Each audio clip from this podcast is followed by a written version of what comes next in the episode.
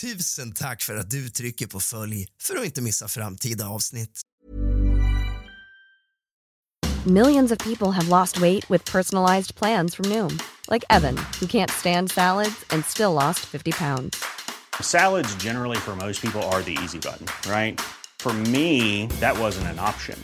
I never really was a salad guy. That's just not who I am. But Noom worked for me.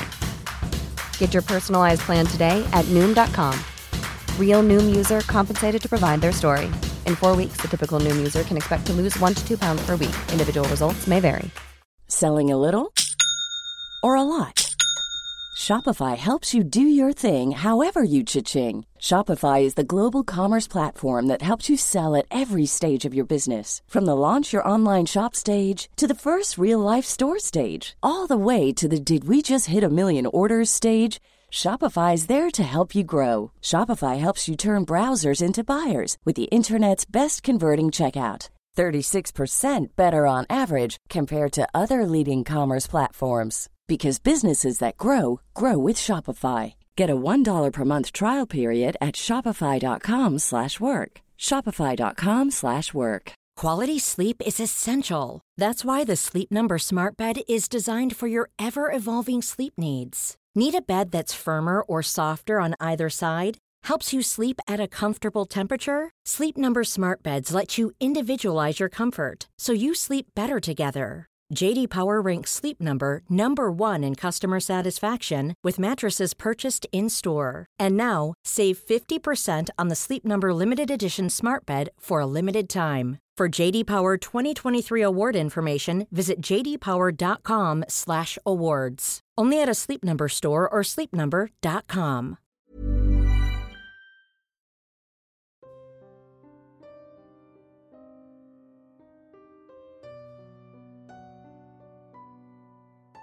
God afton din lilla fegis och kallt välkommen tillbaka ska just du vara till kusligt, rysligt och mysigt. Tack för att du trycker på följ och lämnar ett omdöme. I det här avsnittet har jag klippt ihop alla nio delar av styckmordet i Stockholm till ett enda långt avsnitt för de som har hoppat in lite senare eller för de som har väntat på att plöja allting i ett enda långt avsnitt. Nu sätter vi igång.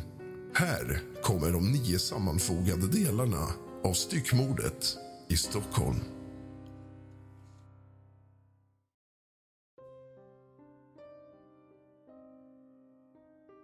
Den 30 november 1998 upptäckte flera personer något som visade sig vara likdelar i vattnet vid Södermälarstrand i centrala Stockholm. Fallet väckte stor uppmärksamhet och inom en vecka påträffades ytterligare kroppsdelar bland annat ett huvud med olika typer av skador och tecken på att ha blivit upphettat.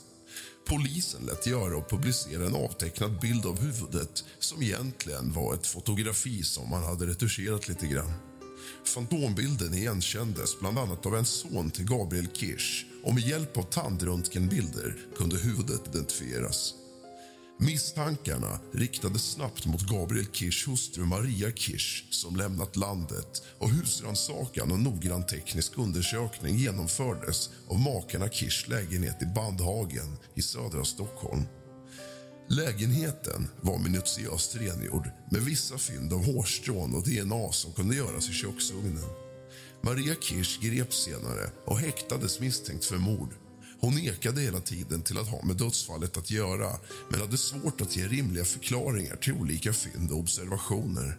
Hon friades i tingsrätten, men fälldes senare i hovrätten. Hovrätten fann att den sammantagna bilden talade för att den 81-åriga Gabriel Kirsch mördats av Maria Kirsch. Den tekniska undersökningen av parets lägenhet talade starkt för att både mordet och styckningen hade skett där och att styckningen hade sexualsadistiska inslag. Det var också klart att hans huvud utsatts för värmepåverkan. Hovrätten bedömde att det är ytterst sannolikt att mannen av en slump skulle råkat ut för en rånmördare som dessutom styckat kroppen på ett sexualsadistiskt sätt. Den 29 november 2000 dömdes Svea hovrätt Kirsch till livstidsfängelse och utvisning för mord. Hon överfördes efter fyra år till rumänskt fängelse där hon efter totalt 11 år i fängelse släpptes fri 2011.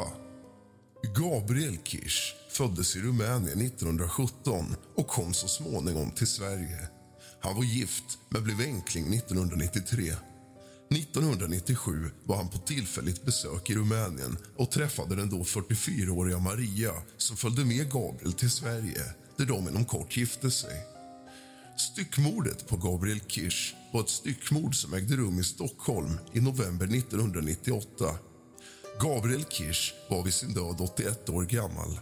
Hans hustru Maria Kirsch, född 1953 i Timisoara i Rumänien dömdes år 2000 till livstidsfängelse för mordet och släpptes som sagt 2011. I kommande delar ska vi grotta ner oss i förundersökningen. Vad hände egentligen och varför? Varför valde hon att mörda sin 81-åriga man? Välkomna, mina damer och herrar, till första delen av Kroppsdelarna i Söder Mälarstrand. Tack för att du lämnar ett omdöme och trycker på följ. Hämta någonting gott att dricka och lite sällskap. Släck alla lampor och tänd alla ljus och sätt dig ner, din fegis. För nu börjar dagens avsnitt av kusligt, rysligt och mysigt. Vi läser en polisanmälan upprättad den 30 november 1998 av Johan Lundström. Fritext.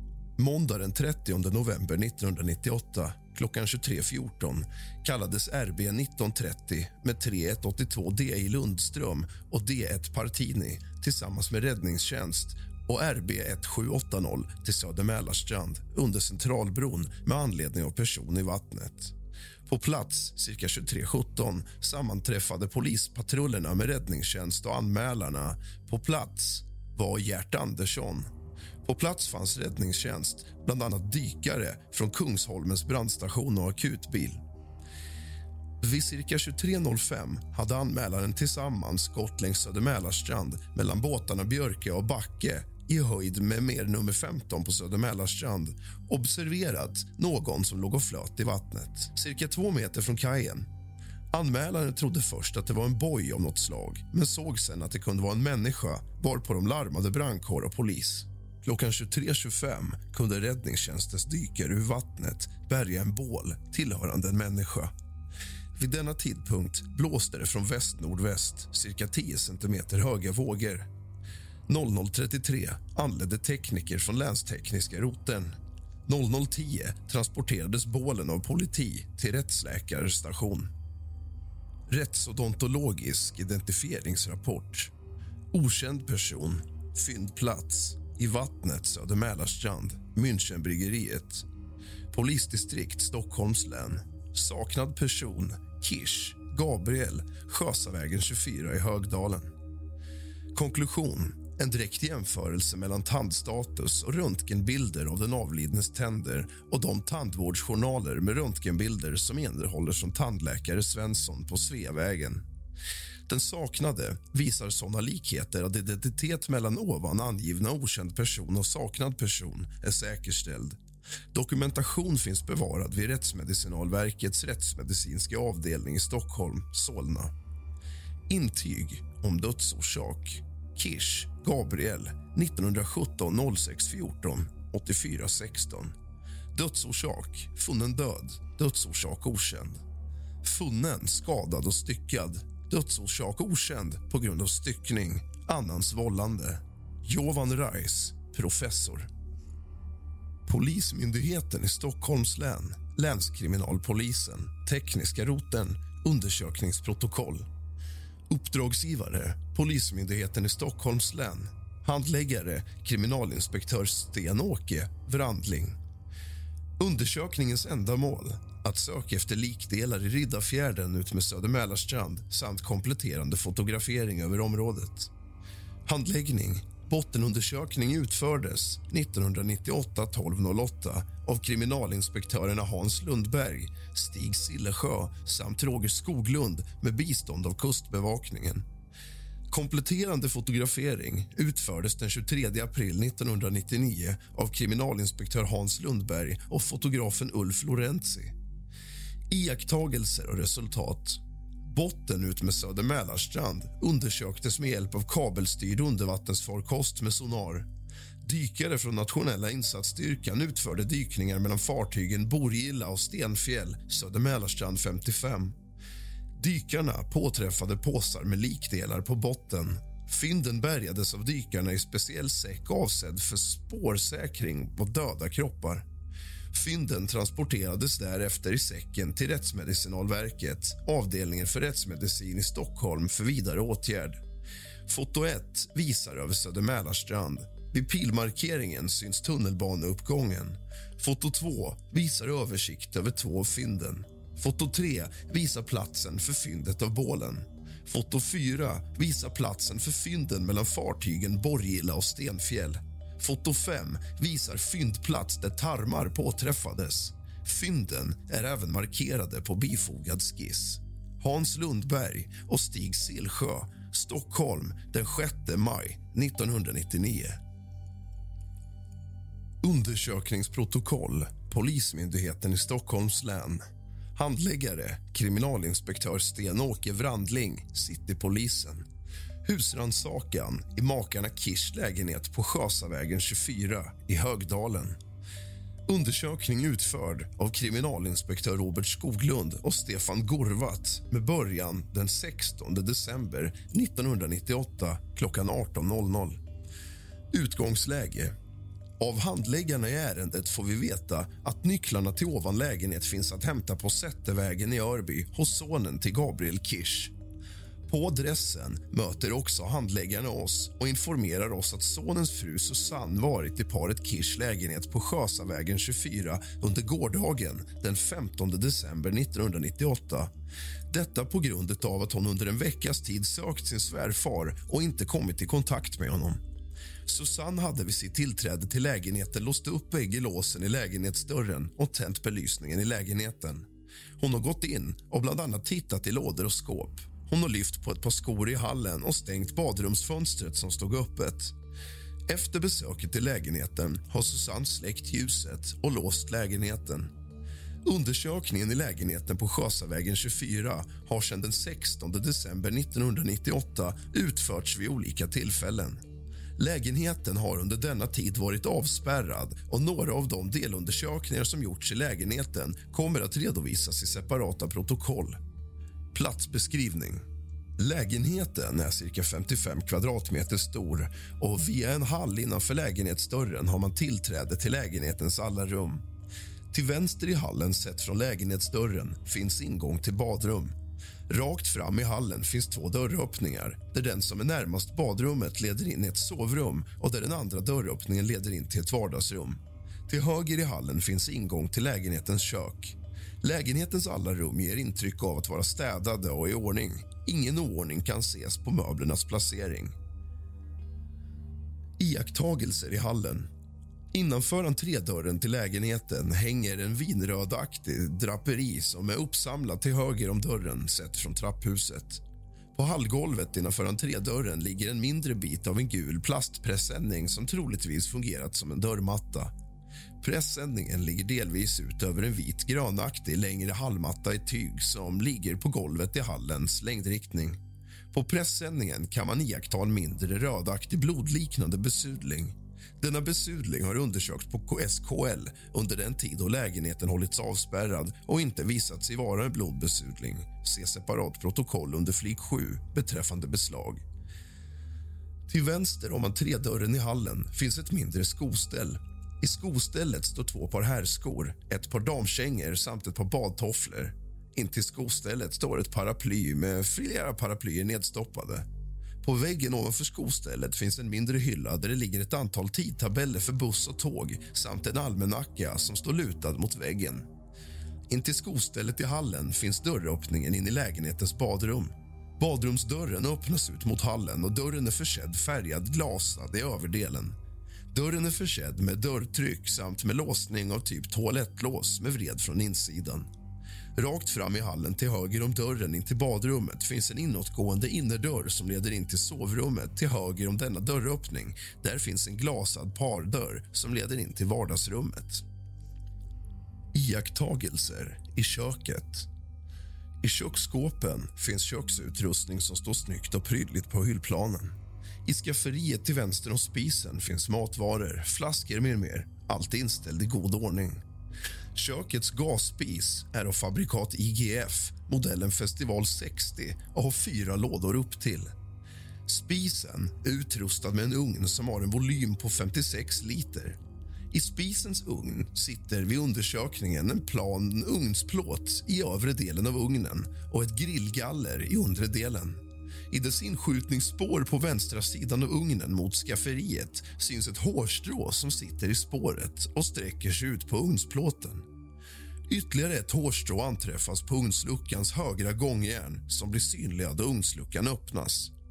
På ugnsplåten och ytterligare en ugnsplåt av typ långpanna som anträffas i sidoskåpet intill spisen kan intorkade besudlingar iakttas. På ugnsluckans ovankant, där den sluter tätt mot spisfronten finns mindre gulbrunaktiga besudlingar. I övrigt är spisen ren, i avsaknad av rinningar och fettbesudlingar på hällen och sidorna. De säkrade hårstråna från ugnen, ugnsplåtarna, ugnsluckan och de i ugnen iakttagna besudlingarna har säkrats och undersökts på SK Hey, I'm Ryan Reynolds. At Mint Mobile, we like to do the opposite of what Big Wireless does. They charge you a lot, we charge you a little. So naturally, when they announced they'd be raising their prices due to inflation, we decided to deflate our prices due to not hating you. That's right. We're cutting the price of Mint Unlimited from $30 a month to just $15 a month. Give it a try at mintmobile.com slash switch. $45 upfront for three months plus taxes and fees. Promo rate for new customers for limited time. Unlimited more than 40 gigabytes per month. Slows. Full terms at mintmobile.com. Quality sleep is essential. That's why the Sleep Number Smart Bed is designed for your ever evolving sleep needs. Need a bed that's firmer or softer on either side? Helps you sleep at a comfortable temperature? Sleep Number Smart Beds let you individualize your comfort so you sleep better together. JD Power ranks Sleep Number number 1 in customer satisfaction with mattresses purchased in-store. And now, save 50% on the Sleep Number limited edition Smart Bed for a limited time. For JD Power 2023 award information, visit jdpower.com/awards. Only at a Sleep Number store or sleepnumber.com. I'm Sandra, and I'm just the professional your small business was looking for. But you didn't hire me because you didn't use LinkedIn jobs. LinkedIn has professionals you can't find anywhere else, including those who aren't actively looking for a new job but might be open to the perfect role, like me. In a given month, over 70% of LinkedIn users don't visit other leading job sites. So if you're not looking on LinkedIn, you'll miss out on great candidates like Sandra. Start hiring professionals like a professional. Post your free job on linkedin.com/people today. KL och vid Uppsala universitet beträffande förekomst av mänskligt DNA. I köket har de köksknivar som anträffats tillvaratagits och skickats till SKL för undersökning beträffande förekomst av humant blod. Vid den första undersökningen i lägenheten den 16 december 1999 undersöks även trapphusets soptunna som är belägen innanför en plåtdörr på höger sida i fastighetens fasad utanför entréporten Sjösavägen 24. I soptunnan anträffas fyra soppåsar samt lösa sopor. I en av soppåsarna anträffas ett öppet kuvert adresserat till Mr Gabriel Kirsch som poststämplats på posten Tomteboda 98 12 13 klockan 11.56. I en annan soppåse anträffas innerpapper till en Marabou Paradis chokladkartong av liknande sort som finns i lägenhetens kök. Innehållet i påsarna medtas för fingertrycksundersökning, dock negativt resultat. Under den tid då lägenheten hållits avspärrad har också undersökning av tillhörande källarförråd samt två matförråd i fastighetens källare utförs. Dessa förråd gav intryck av att inte ha varit använda på en längre tid då ett tjockare dammlager syntes på föremål inställda i förråden. Förhör med granne Ann-Marie Svanberg. Ann-Marie Svanberg benämns med sitt förnamn Ann-Marie i förhöret. Ann-Marie uppger att hon har bott ensam i sin tvårummare sedan 1975. Hon tycker att det har varit mycket lugnt i både fastigheten och de andra lägenheterna i området. Den enda person som har varit lite avvikande är Pettersson som bor en trappa ner i fastigheten.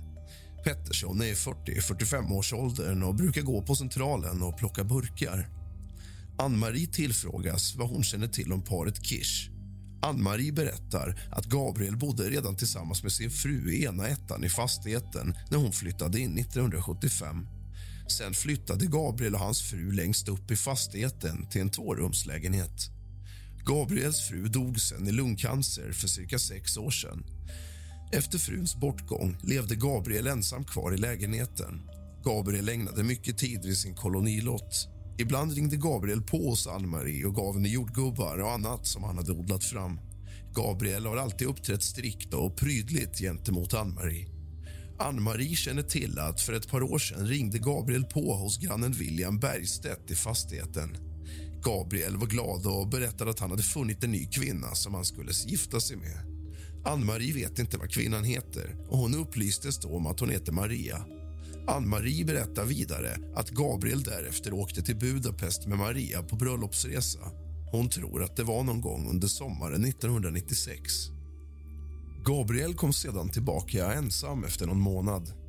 Gabriel berättade för någon att myndigheten hade förvägrat Maria inresetillstånd till Sverige och att detta berodde på den stora åldersskillnaden som fanns mellan de båda. Gabriel bodde ensam i sin lägenhet under en period. Efter en tid återvände Gabriel till Budapest. När han sen efter ytterligare en tid återvände till sitt hem var han sprudlande glad. Maria skulle nämligen få komma in i landet. Gabriel nämnde att Maria hade fått en sex månaders uppehållstillstånd. I början av våren, någon gång i mars eller april 1998 flyttade Maria in hos Gabriel. Ann-Marie minns sen att de två började åka till kolonilotten. För det mesta cyklade Gabriel ensam dit, men ibland följde Maria med. Ann-Marie vet att Gabriel köpte en begagnad damcykel till Maria. Gabriel hade själv en ljusblå damcykel. Cyklarna har stått en trappa ner på nedre botten av fastigheten. Ann-Marie säger att sen Maria flyttade in hos Gabriel har hon inte haft någon kontakt alls med paret utan endast hälsat när de mötts i trappen eller liknande. Gabriel har hälsat tillbaka däremot, men aldrig Maria. Vid något tillfälle ringde Gabriel på hos Ann-Marie. Han frågade då hur det var med grannen Bergstedt. Ann-Marie förklarade då för Gabriel att Bergstedt hade fallit tillbaka till alkoholen och Ann-Marie berättade att Bergstedt sen hade fått ett strokeanfall och att han vårdas på Högdalens sjukhus. Gabriel tyckte då att Bergstedt fick skylla sig själv eftersom att han hade börjat dricka igen. Ann-Marie tillfrågas om hon har hört några speciella ljud uppifrån Gabriels lägenhet. Ann-Marie berättar att vid två till tre tillfällen i samband med att hon har gått upp en halv trappa för att slänga sina sopor har hon hört att det varit högljudda röster från parets lägenhet. Som Ann-Marie uppfattat det så har det varit både Gabriel och Marias röster. Ann-Marie har inte stannat kvar och lyssnat utan hon har återvänt till sin lägenhet. Dessa tillfällen har varit under hösten 1998. Ann-Marie tycker att det är ganska lyhört i fastigheten. Ann-Marie tillfrågas hur det varit i fastigheten den senaste månaden. Hon säger att de två till tre senaste veckorna har det varit lugnt. Ann-Marie tillfrågas när hon senast såg eller träffade Gabriel. Ann-Marie mötte Gabriel för ungefär tre veckor sedan. De båda möttes nedanför Parkvägen. Ann-Marie hejade på Gabriel, men hon fick inget svar av honom. Hon vet inte vad det berodde på. Ann-Marie tillfrågas om hon kan precisera hur vädret var och när det var på dygnet som hon träffade honom. Ann-Marie säger att hon har för sig att det var ganska kallt den här dagen. Hon hade själv några pannband på sig. Ann-Marie tror att det var en vardag vid två-tre-tiden och hon var förmodligen på väg till Bergstedt på Högdalens sjukhus. Gabriel såg nog ut som vanligt, säger hon. Han brukar vara klädd i lite beigefärgad, smutsbrun poplinrock samt en rutig och beigebrun keps. Ann-Marie säger att när Maria flyttade in hos Gabriel så gick hon alltid in tillsammans och ut. Sen början av september har Ann-Marie sett att Maria går ensam när hon syns ute. Senaste gången Ann-Marie såg Maria var en eftermiddag för ett par veckor sedan.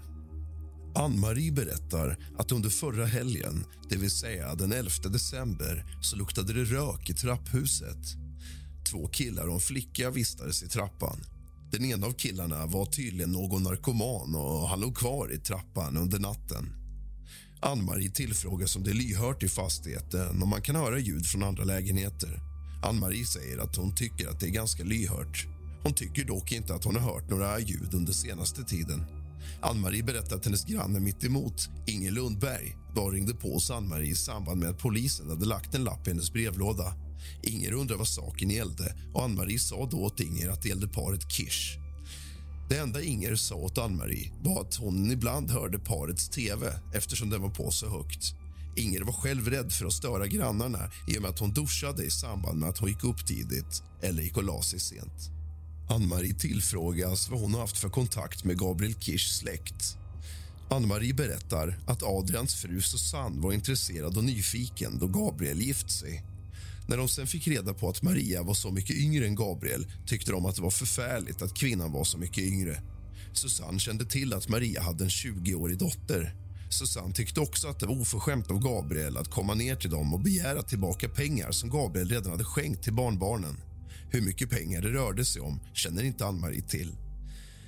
Någon annan kontakt har inte Susanne haft med Ann-Marie förrän för en vecka sen. Susanne började då ringa till Ann-Marie. Susanne undrade om Ann-Marie visste var Gabriel var någonstans. Susanne undrade om Ann-Marie hade sett någon i Gabriels lägenhet. Ann-Marie hade inte det. Susanne ringde flera gånger under veckan och var orolig. Susanne berättade att hon hade samtalet med Maria och att Maria hade sagt åt Susanne att Gabriel inte var hemma. Nästa gång som Susanne sen har pratat med Maria så sa hon att Gabriel hade åkt på semester till Budapest. Onsdag den 16 december 1998 så kom Susanne och ringde på hem hos Ann-Marie. Ann-Marie tror att klockan var runt 14 på eftermiddagen. Susanne kom dit i bil. Susanne berättar att Maria hade rest till Budapest för att leta efter Gabriel och att Gabriels hyra för januari skulle betalas. Susanne tordes inte gå in ensam i lägenheten så därför frågade hon Ann-Marie om hon kunde följa med in. Ann-Marie visste inte vem, men någon hade nämnt att lägenhetsnycklarna låg under dörrmattan utanför lägenheten. Ann-Marie poängterade att hyresgästerna inte tillåtna att ha mattor utanför dörrarna. Ann-Marie följde i vilket fall med Susanne upp till Gabriels lägenhet. Ann-Marie hade noterat att Gabriels badrumsfönster hade stått öppet under någon veckas tid. Nycklarna låg under mattan utanför Gabriels dörr. Båda två gick sen in och det var tomt i lägenheten. Marias kläder fanns inte kvar i lägenheten. Ann-Marie gick tillbaka ner till sin lägenhet efter några minuter för att hon inte var riktigt klädd för att vara ute någon annanstans. Ann-Marie tillfrågas om Gabriel eller Maria har någon bil. Ann-Marie säger att Gabriel inte har någon bil. Ann-Marie har aldrig heller sett Gabriel köra bil. Hon har inte sett Maria köra bil heller. Ann-Marie har varken sett Maria eller Gabriel åka i taxibilar eller köra bil. I samband med att paret Kish har handlat så tror Ann-Marie att det oftast har varit Gabriel som burit matkassarna. Ann-Marie tillfrågas om hon har sett Maria burit några kassar under de senaste tre veckorna. Ann-Marie säger att hon inte vet om Maria hade något i händerna sist hon såg henne. Förhöret slut 09.35. Ur anteckningar, uppläst och godkänt. Fortsättningen på kroppsdelarna i Söder Mälarstrand får du i nästa avsnitt av kusligt, rysligt och mysigt. Tack för att du har lyssnat, tryckt på följ och lämnat ett omdöme.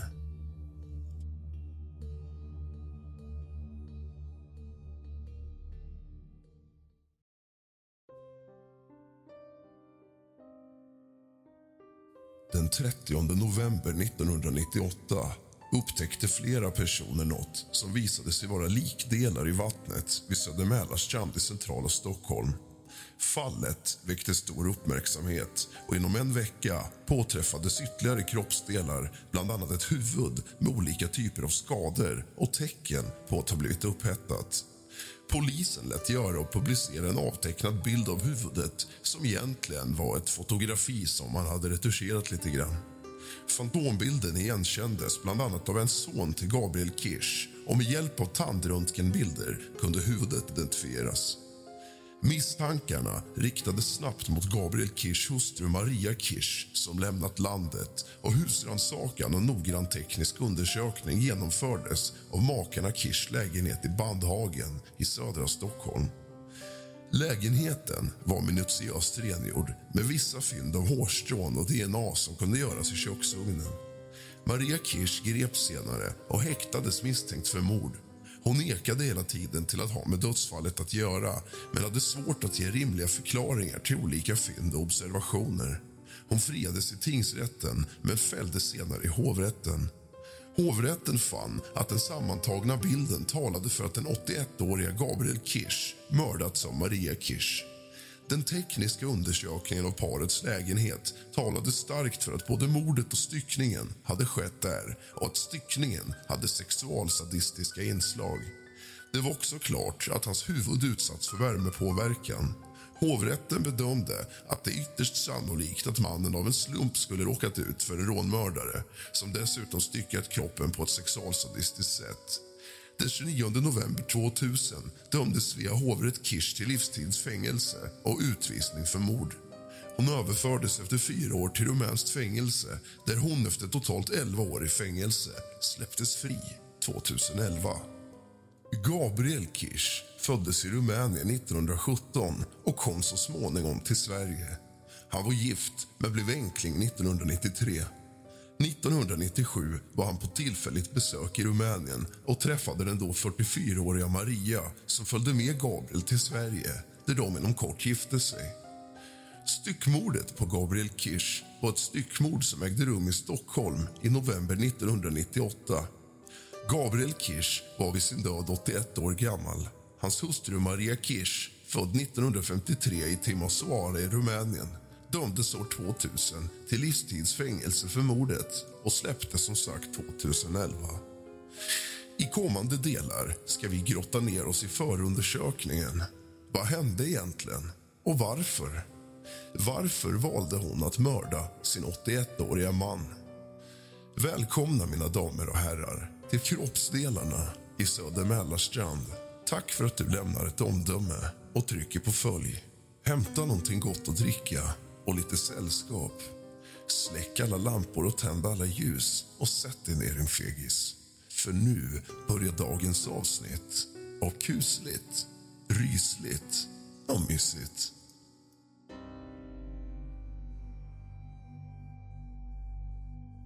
Vi läser en polisanteckning från den 18 december 1998 angående Marias studier och SFI. Lars Wäremark, klassföreståndare för den klass som Maria gick i. Maria hade ytterligare två lärare som skötte undervisningen. Wäremark berättar att Maria Kirsch började sin svenska undervisning i juni månad 1998.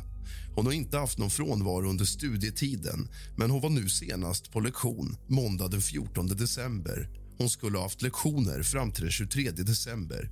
Wäremark vet inte anledningen till hennes frånvaro. Han har träffat henne varje dag och hennes skoltider har varit 11.40 till 17.10.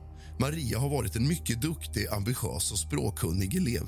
I klassen finns det 15 elever och de flesta är yngre än Maria och dessutom icke-europeer. Det kan vara en av anledningarna till att hon inte tytt sig till någon elev. Wäremark har inte sett att hon skulle haft något gentemot med någon av de andra eleverna. Det Väremark vetat om Maria har varit att hon har en dotter i hemlandet och att hon är i Sverige omgift. Väremark vet inte något om det förhållandet. Väremark har inte iakttagit någon förändring på Maria under de senaste veckorna.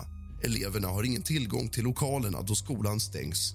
I samband med byggnaden finns flera företag men Väremark tror att lokalerna låses vid 18 på kvällarna. Eleverna har inte tillgång till lokalerna via egna nycklar Stockholm den 28 december 1998. Monica Rangden. Polisförhör med Lars Wärenmark den 21 december 1998. Lars ringer för att komplettera öppettiderna på SFI-skolan på Söder Mälarstrand. Lars berättar att SFI nyttjar lokalerna på 6 och 8 i fastigheten. I huvudsak är det plan 8 som utnyttjas mest. För övrigt så är det TV3, TV1000 samt diverse terapeuter inhyrda i fastigheten. Skolan är öppet under terminstiden mellan 08 och 20.30 på måndag till torsdag. På fredagar har skolan öppet 8 till 17.10. Efter avslutad lektion 17.10 brukar lokalen stängas 17.30. Lars säger att eleverna inte har några egna nycklar till lokalerna. I övrigt finns det en portkod längst ner i fastigheten. Vad beträffar Maria Kirsch har hon schema måndag till tisdag samt torsdag-fredag mellan 11.40 17.10 samt onsdagar mellan 13.50 till 17.10. Lars uppger på fråga att han aldrig sett att Maria har funnits kvar i skolan på kvällarna efter avslutad lektion. Lars berättar att det är mellan 15 till 20 elever i Marias klass. Lars berättar därefter att han vid första förhörstillfället inte riktigt berättade allt och att detta berodde dels på att han inte visste mycket uppgifter han kunde lämna ut. Lars säger också att han inte uppfattade att utredningen handlades av våldsroten. Lars berättar därefter att det var så att Maria ringde hem till Lars bostad vid några tillfällen i september-oktober 1998. Lars minns att det var korta samtal från Maria. Maria sa att hon hade hittat Lars telefonnummer i telefonkatalogen att hon där också såg att Lars hade ett telefonnummer till sitt landställe. Maria pratade inte om nåt särskilt, utan hon pratade lite grann om kolonilotten. Lars fick den uppfattningen att kolonilotten tillhörde Marias man. Maria var mycket kontaktsökande. Vad Lars kan komma ihåg så ringde Maria bland annat hem till Lars på någon förmiddag under en helg. Lars av den uppfattningen att Maria dels ringde hemifrån sin bostad samt från någon telefonautomat. Lars berättar vidare att Maria också började att stanna kvar efter att lektionerna slutade 17.10 och detta tyckte Lars var väldigt jobbigt. Lars minns att han vid ett tillfälle gick fram till Maria och tryckte på spara-knappen och därefter stängde av hennes dator. Därefter sa han åt henne att gå ut därifrån. Det var ett sätt för Lars att markera för Maria att han ville att hon skulle gå därifrån och sluta uppvakta honom. Det var helt enkelt en följd av Marias uppförande och att hon förde sig som hon gjorde. Det visade sig sen i efterhand att Lars inte hade lyckats med att spara dokumentet som Maria hade skrivit. Detta tyckte Lars efteråt var väldigt pinsamt men han hade känt sig så stressad över hennes uppvaktning gentemot honom. Lars kände att han inte var intresserad av Maria. Han kände sig inte ens attraherad av henne. Lars berättar att han lever särbo med en kvinna och det var inte tal om att han skulle inleda något annat förhållande. Lars visste inte riktigt hur han skulle hantera situationen när Maria uppvaktade honom på detta vis. Lars valde därefter att prata med en kollega på SFI. Kollegan har tidigare arbetat som rektor på en skola i Polen och han arbetar idag som lärare på SFI. Däremot inte med Marias klass. Kollegan sa att detta var ett typiskt beteende från en öststatskvinna. Lars säger vidare att han klargjorde för Maria i mitten av oktober 1998 att han inte var intresserad av henne. Efter det att Lars hade sagt åt Maria att hon inte fick stanna kvar i klassrummet efter avslutad lektion så respekterade hon det. Maria ringde inte eller hem till Lars någon mer. Lars minns i vilket fall som helst att när sommartiden var slut i slutet av oktober så var det lugnt. Då förekom inte längre någon uppvaktning från Maria. Lars uppskattar att uppvaktningen förekom sammanlagt under någon månads tid. Lars tillfrågas hur Maria tog samtalet när han sa ifrån till henne. Lars säger att han minns inte att det var någon speciell reaktion från henne. Lars tillfrågas vad han känner till om Marias bakgrund. Lars säger att han vet egentligen inte så mycket om henne. Lars känner till att Maria har en vuxen dotter. Det enda Maria har sagt om sin make är att han är äldre. Lars säger att Maria har ett av de tre bästa testresultaten i skolan. Lars känner till att Maria har en teknisk utbildning, men han vet väldigt lite om den. Lars har förknippat Maria som Östeuropa-akademiker vilket kännetecknar att hon har en akademisk utbildning, teknik och naturvetenskap. Det kännetecknar också att hon har ett arbete med högt anseende i hemlandet och att det blir en besvikelse när hon kommer till Sverige. Hon är fixerad vid testpoäng. Emigrationen är planerad. Det finns en strävan om en social karriär och att man gifter om sig. Lars anser att Maria passar in i den beskrivningen. Lars säger vidare att Maria är duktig på svenska. Hon gillar dock inte grupparbeten. Maria har inte tytt sig till någon elev och hon verkar inte ha haft några kompisar i skolan. Hon har fikat ensam och så vidare. Enligt Värdenmark började uppvaktningen av Maria Kirsch någon gång i september 98.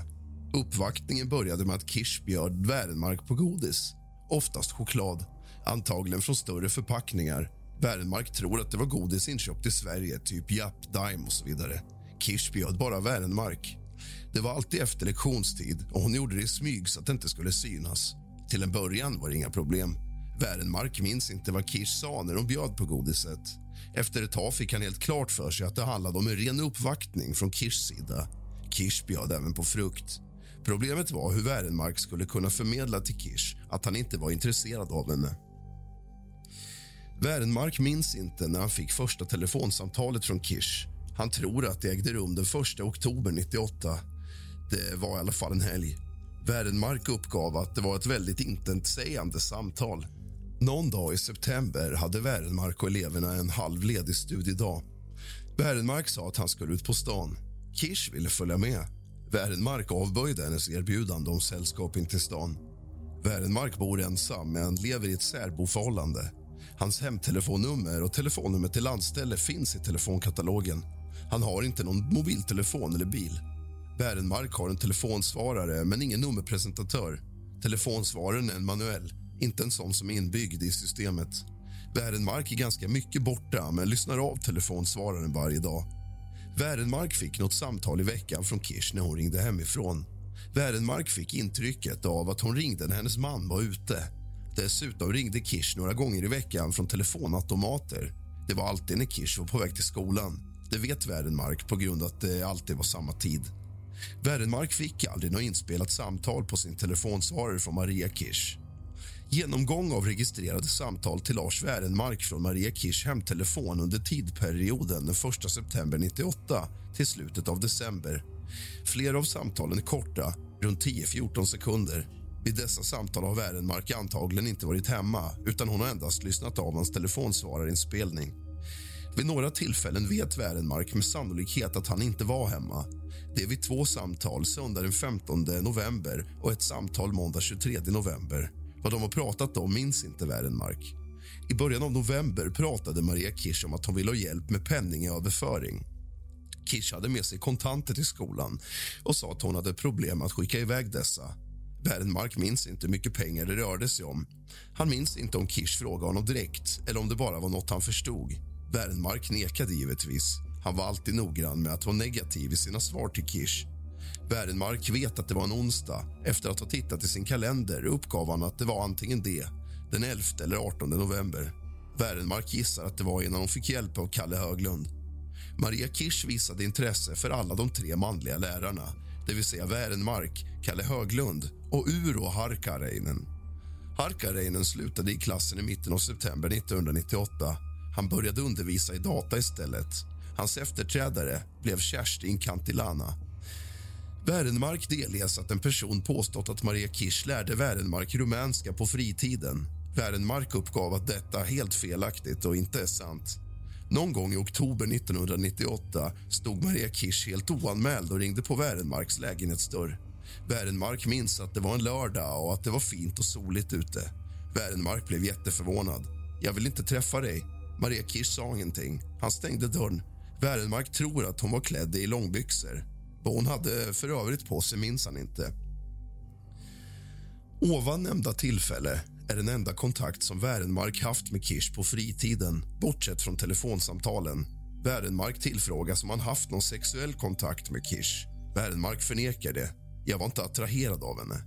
Maria Kirsch sa vid något tillfälle i skolan att hon var katolik. Wärenmark upplevde det som att hon hade en stark ungersk och katolsk identitet. Sista gången som Wärenmark träffade Kirsch var måndag den 14 december 1998. Klassen hade skrivit tester torsdag den 10 och fredag den 11 december. Maria Kirsch klarade dessa galant, vilket var väntat. Måndag den 14 december kom Wärenmark till skolan någon gång mellan 13 och 13.30. Han träffade läraren Ulla-Maja Jernberg. Hon hade haft eleverna från 11.40. Wärenmark pratade finska med Jernberg. Han hade bott fem år i Finland och tycker det är roligt att prata finska med Jernberg. Jernberg sa att Maria Kirsch var nervös och okoncentrerad. Wärenmark blev förvånad. Kirsch var absolut inte en person som var nervös eller okoncentrerad.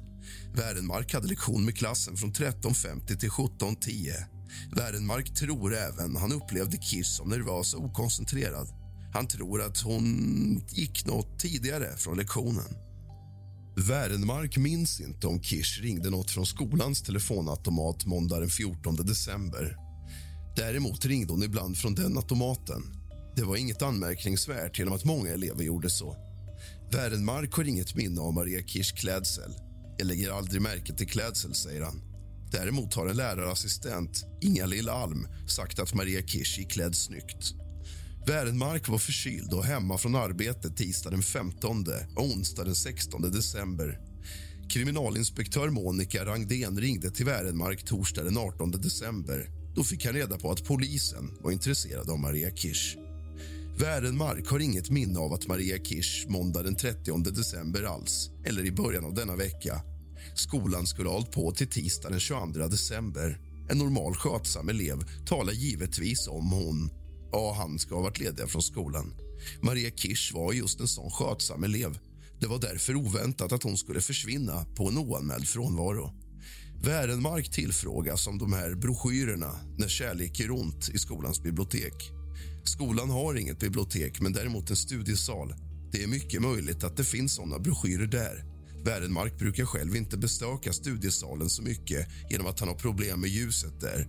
Förhöret avslutas 12.30 av kriminalinspektör Sten-Åke Wrandling, Citypolisens våldsrotel.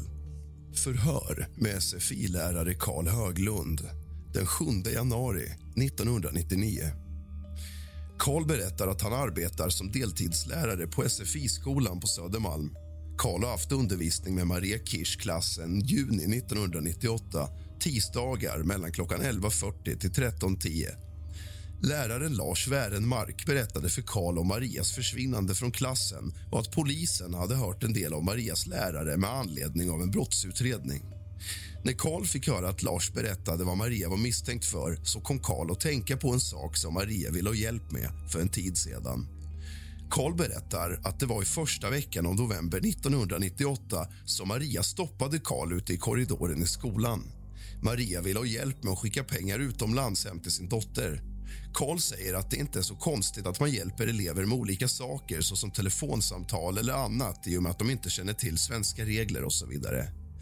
Maria sa att hon inte ville att hennes make skulle få reda på transaktionen. Maria sa sen att hennes make var gammal och elak och att han inte tyckte om hennes dotter. Maria sa vidare att hennes dotter skulle reparera sin bil. Därför behövde hon skicka pengar hem till henne. Karl tyckte att han kunde ställa upp och hjälpa Maria. Karl skulle hjälpa till på så vis att Maria fick använda Karls bostadsadress när hon skickade pengarna utomlands så att inte hennes man fick se någon kopia på transaktionen. Karl följde sen med Maria till SE-banken i hörnet Sveavägen och Hamngatan i Stockholm. Maria visste precis vart hon skulle gå, det vill säga till utlandsavdelningen. Maria kopierade en handling som hon hade använt tidigare. Där framgick dotterns adress och så vidare. Karl förstod att Maria hade skickat pengar hem till sin dotter tidigare men han såg aldrig vilket datum eller vilken summa som Maria hade angivit på handlingen som hon kopierade. Banktjänstemannen upplyste Maria om att hon kunde öppna ett konto i banken. Karl vill minnas att det var ett allkonto. Och Maria öppnade ett konto och hon slapp betala stora avgifter när hon skickade iväg pengarna. Karl berättar vidare att Maria öppnade kontot i sitt namn och angav Karls hemadress. Maria satte in 3 500 kronor på kontot. Pengarna som Maria lämnade fram var 500 kronors sedlar. Maria skickade 3 000 kronor till sin dotter Maria frågade banktjänstemannen hur lång tid det skulle ta innan pengarna kom fram till dottern. Hon fick svaret att det kunde ta en till två veckor. En vecka efter transaktionen kom hon fram till Karl i skolan och frågade om han hade fått någon bekräftelse från banken i Rumänien att pengarna kommit fram. Karl sa att något sånt meddelande hade han ännu inte fått hem till sig. Maria kom sen fram till Karl varje dag i skolan i samband med att Karl kom gående i korridoren och frågade om pengarna hade kommit fram. Karl svarade att han inte hade fått någon verifikation på detta. Ungefär tre veckor efter transaktionen berättade Maria i korridoren för honom att pengarna hade kommit fram till dottern. Karl fick en flaska vin av Maria som tack för hjälpen. Sista skolveckan innan julledigheten såg Karl inte Maria någonting. Karls uppfattning om Maria är att hon är väldigt ordentlig och noggrann av sig. Karl tänkte att Maria skulle komma och klara svenska provet mycket tidigare om hon skulle ha skrivit det. Karl tyckte att Maria är mycket duktig på svenska. Hon är väldigt alert och tillhör de bästa i klassen. Karl tillägger att alla elever i Marias klass är mycket duktiga. Maria har sagt till Karl att hon också pratar franska. Maria har aldrig tytt sig till någon elev vad Karl har kunnat se. De personer som Maria pratat med är lärarna, särskilt de manliga. Karl förklarar att Maria har varit väldigt intresserad av honom men att han har avvisat henne eftersom att han inte har något intresse av henne. Karl tillfrågas på vilket sätt Maria uppvaktat honom. Karl säger att Maria har velat säga något till honom när de båda har mötts i korridoren i skolan. Maria har då inte pratat om något särskilt utan det har varit mest betydelselösa samtal. Karl har uppfattat dessa samtal som inviter från Marias sida men eftersom han inte var intresserad av henne har han också avfärdat henne. Karl säger att han har skojat med Lars Wärenmark eftersom Maria uppvaktat även honom. Karl känner inte till något om Marias bakgrund. Maria har inte pratat något om sitt privatliv förutom att hon har berättat att hennes man är väldigt gammal. Förhöret slut klockan 12.55 ur anteckningar, uppläst och godkänt. Fortsättningen på styckmordet i Stockholm får du i nästa del av kusligt, rysligt och mysigt. Tack för att du lämnar ett omdöme och trycker på följ. Sov gott.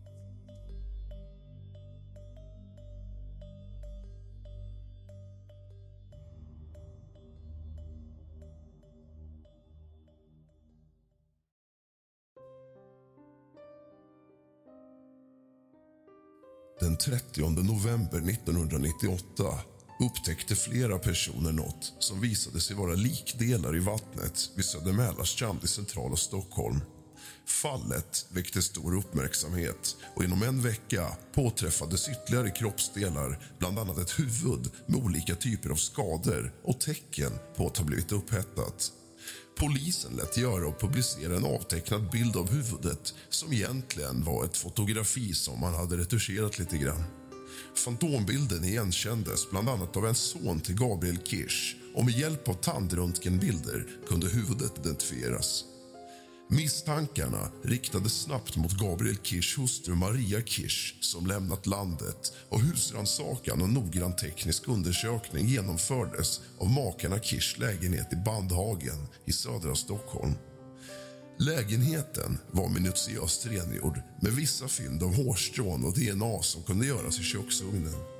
Maria Kirsch greps senare och häktades misstänkt för mord. Hon nekade hela tiden till att ha med dödsfallet att göra men hade svårt att ge rimliga förklaringar till olika fynd och observationer. Hon friades i tingsrätten, men fälldes senare i hovrätten. Hovrätten fann att den sammantagna bilden talade för att den 81-åriga Gabriel Kirsch mördats av Maria Kirsch.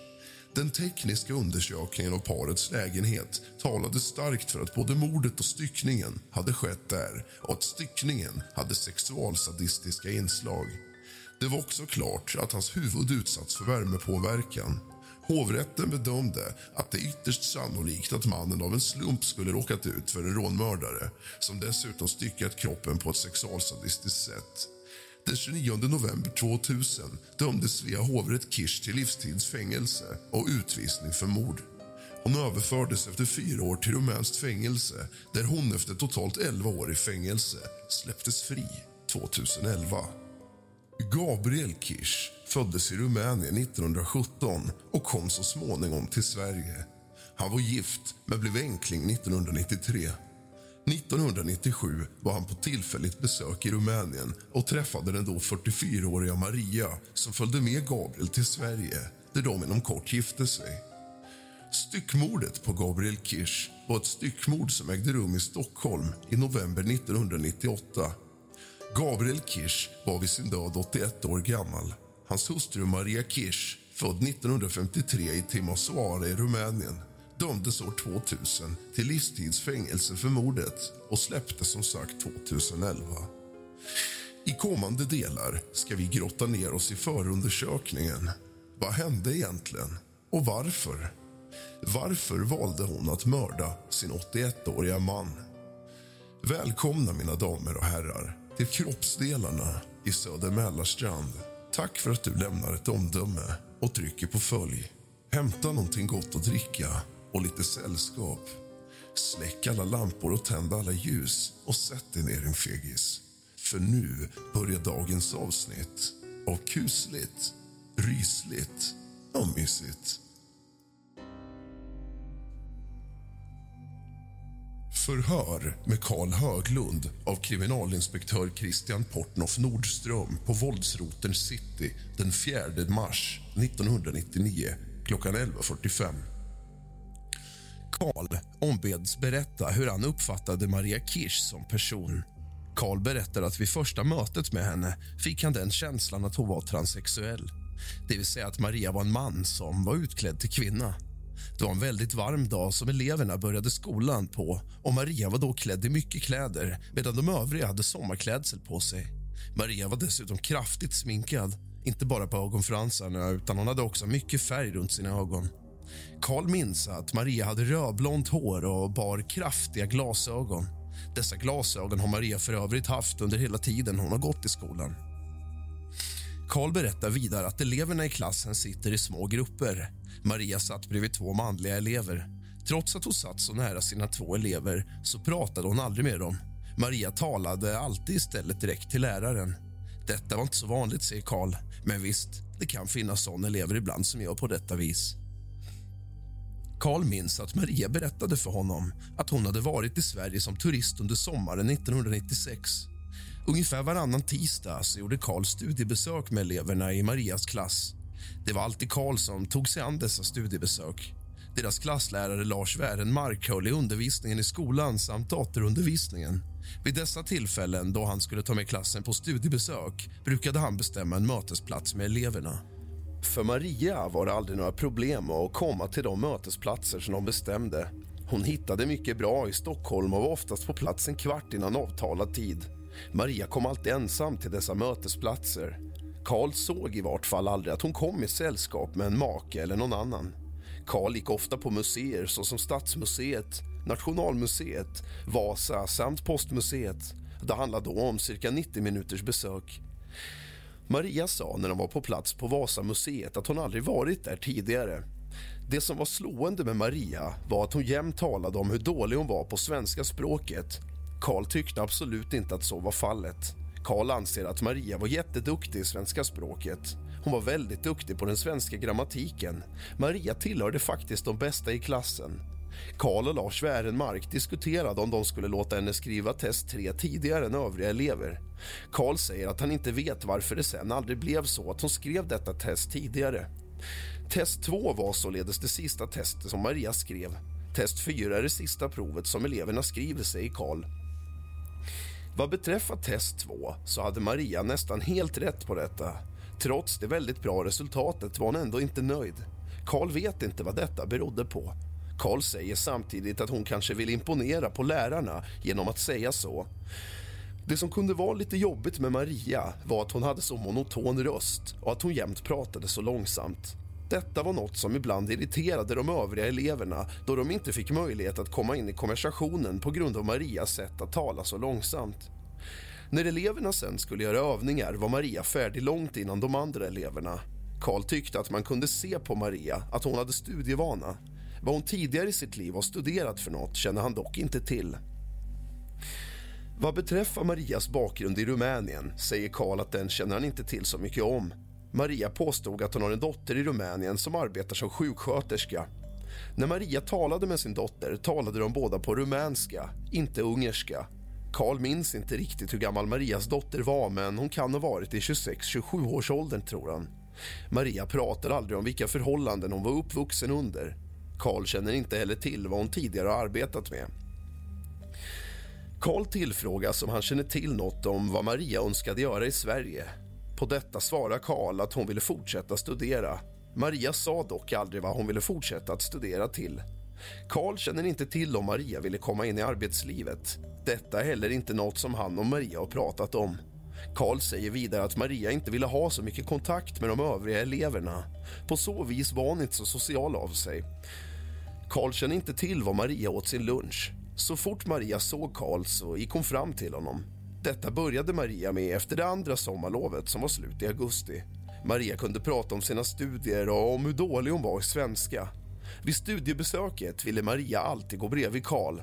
Detta avstyrde dock Karl eftersom att han är till för alla eleverna. Karl upplevde samtidigt Maria som väldigt kylig och kall. Karl säger också att det kan ha varit hennes makeup som gjorde att han fick det intrycket av henne. Karl tillfrågas om han har upplevt Maria som aggressiv. Karl säger att det har han inte. Karl har istället upplevt det som att Maria går undan om det händer något. Karl berättar att han upplevde Maria som besvärande. Han uppfattade hennes agerande mot honom som rena inviter. Karl visade i handling tillbaka mot Maria genom att gå ifrån henne när hon kom fram för ofta till honom. Karl påpekade dessutom för Maria att han redan var upptagen. Karl tror att han sa till henne i slutet av september 1998. Karl berättar att han står inte i telefonkatalogen på grund av att han har hemligt nummer. Därför har Maria aldrig ringt hem till honom. Han har inte heller stött på Maria på stan. Karl har för sig att han frågade en kvinnlig lärarkollega, Lena Sönnerstedt om hon har noterat att Maria uppvaktade honom. Lena sa att hon inte har lagt märke till det. Karl tyckte i alla fall att det verkade som att Maria uppfattade eller respekterade när Karl sa ifrån till henne. När det sen blev aktuellt med att skicka pengar till Rumänien då var redan den situationen borta med Marias uppvaktande mot Karl. Karl minns att det fortfarande var barmark ute någon gång i november då Maria bad om att få hans hjälp. Maria gick på Karl i skolkorridoren. Maria öppnade samtalet med att hennes dotter hade en bil som var trasig och måste repareras. Maria sa att dotterns lön inte räckte till reparationen och att hon måste skicka pengar till henne. Karl fick aldrig någon uppfattning om vad det var för fel på hennes bil eller vilken typ av bil hon hade. Maria sa att hon skickade 3 000 kronor till sin dotter och att det var värt mycket i Rumänien i deras valuta. Maria berättar att frukten kostade ungefär en krona kilot. En krona var således mycket pengar i Rumänien. Maria frågade då om Karl kunde hjälpa henne med att skicka dessa pengar. Karl frågade varför hon inte kunde göra det själv. Maria sa då att hennes man var elak och inte ville att Maria skulle skicka några pengar till dottern. Maria ville därför att Karl skulle ställa upp med sin hemadress på utbetalningen så att Marias make inte fick hem någon bekräftelse på pengarna som hon skulle skicka till sin dotter. Karl frågade Maria hur gammal hennes make var. Maria sa att han var över 80 år. Karl tänkte att han var gammal, så att det kanske var ett problem. Karl tänkte också att detta var anledningen till att han hade gift sig med honom för att få uppehållstillstånd i Sverige. Karl sa till Maria att de måste tänka på det här och sen kolla liksom om de inte kan ordna det själv. Maria nöjde sig då med svaret från honom. Dagen eller två dagar därefter stoppar Maria åter Karl i korridoren i skolan. Maria visade upp ett kvitto för Karl. Detta var en utbetalning på ett SE-bankskvitto till Marias dotter i Rumänien.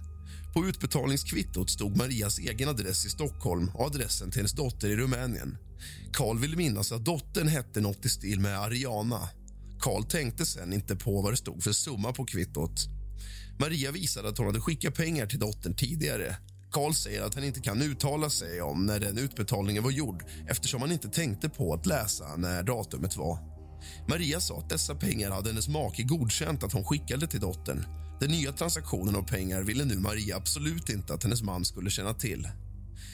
Maria frågade sen Karl när de skulle kunna skicka iväg dessa pengar. Karl föreslog att de kunde göra det på tisdagen i samband med att han skulle iväg på ett studiebesök med hennes klass. Karl har för sig att de skulle till Vasamuseet den tisdagen. Maria ville egentligen att de skulle ordna med transaktionen tidigare men de båda bestämde att de skulle göra det på tisdagen. De båda bestämde att de skulle träffas klockan 10.00 vid T-centralens tunnelbanestation vid Åhléns varuhus. Det var sen nära att gå till SE-banken på Sveavägen. Karl träffade Maria klockan 10.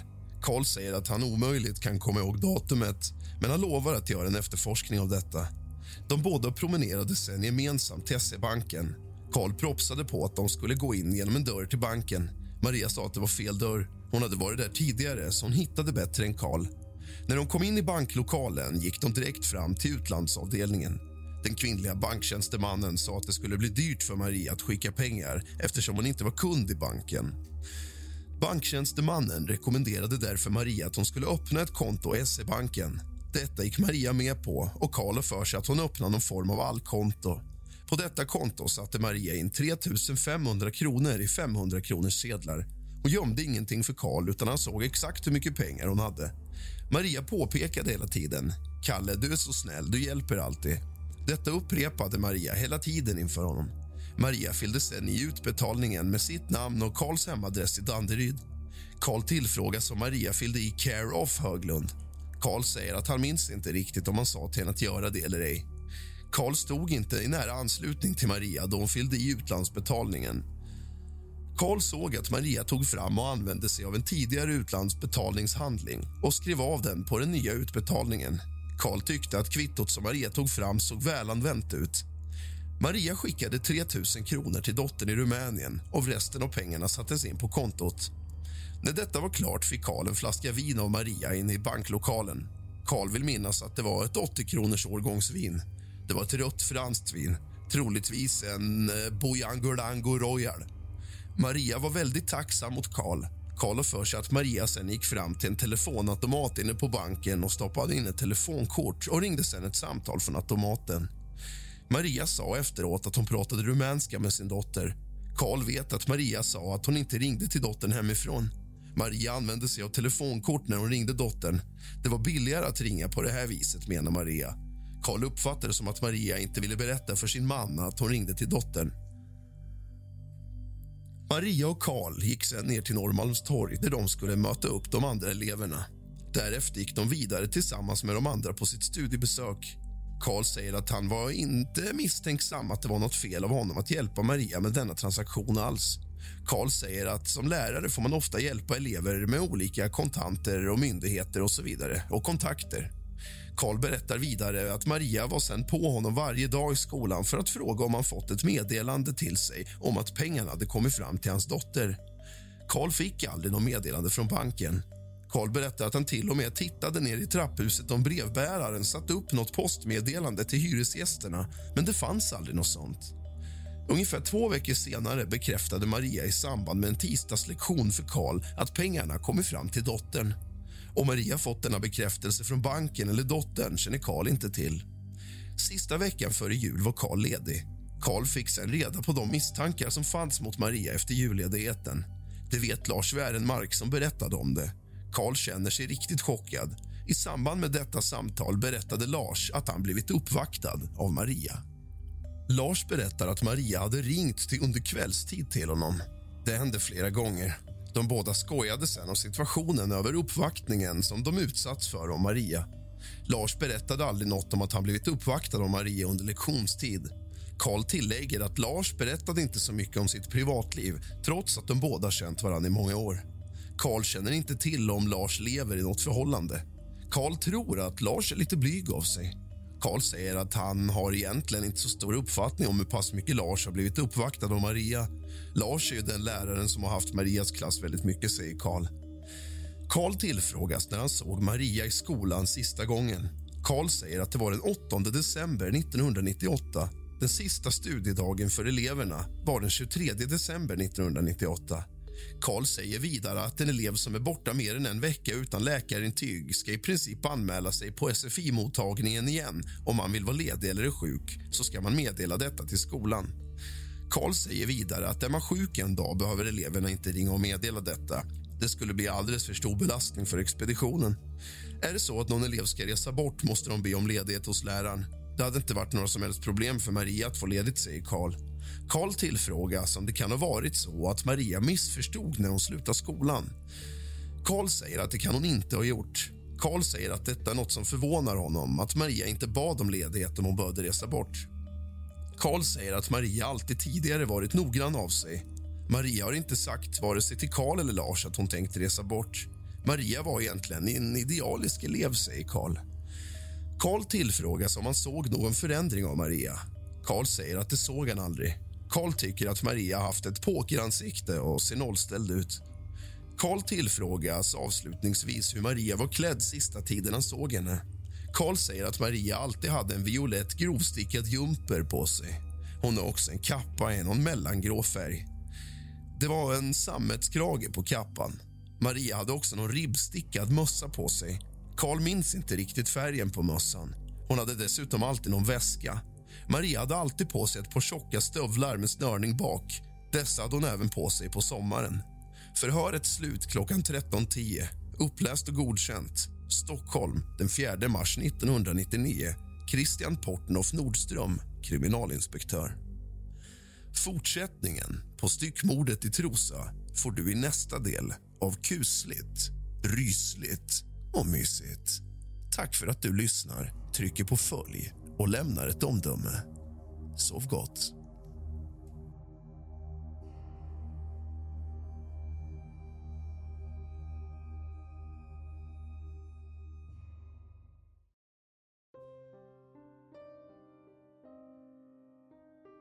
Den 30 november 1998 upptäckte flera personer något som visade sig vara likdelar i vattnet vid Södermälarstrand i centrala Stockholm.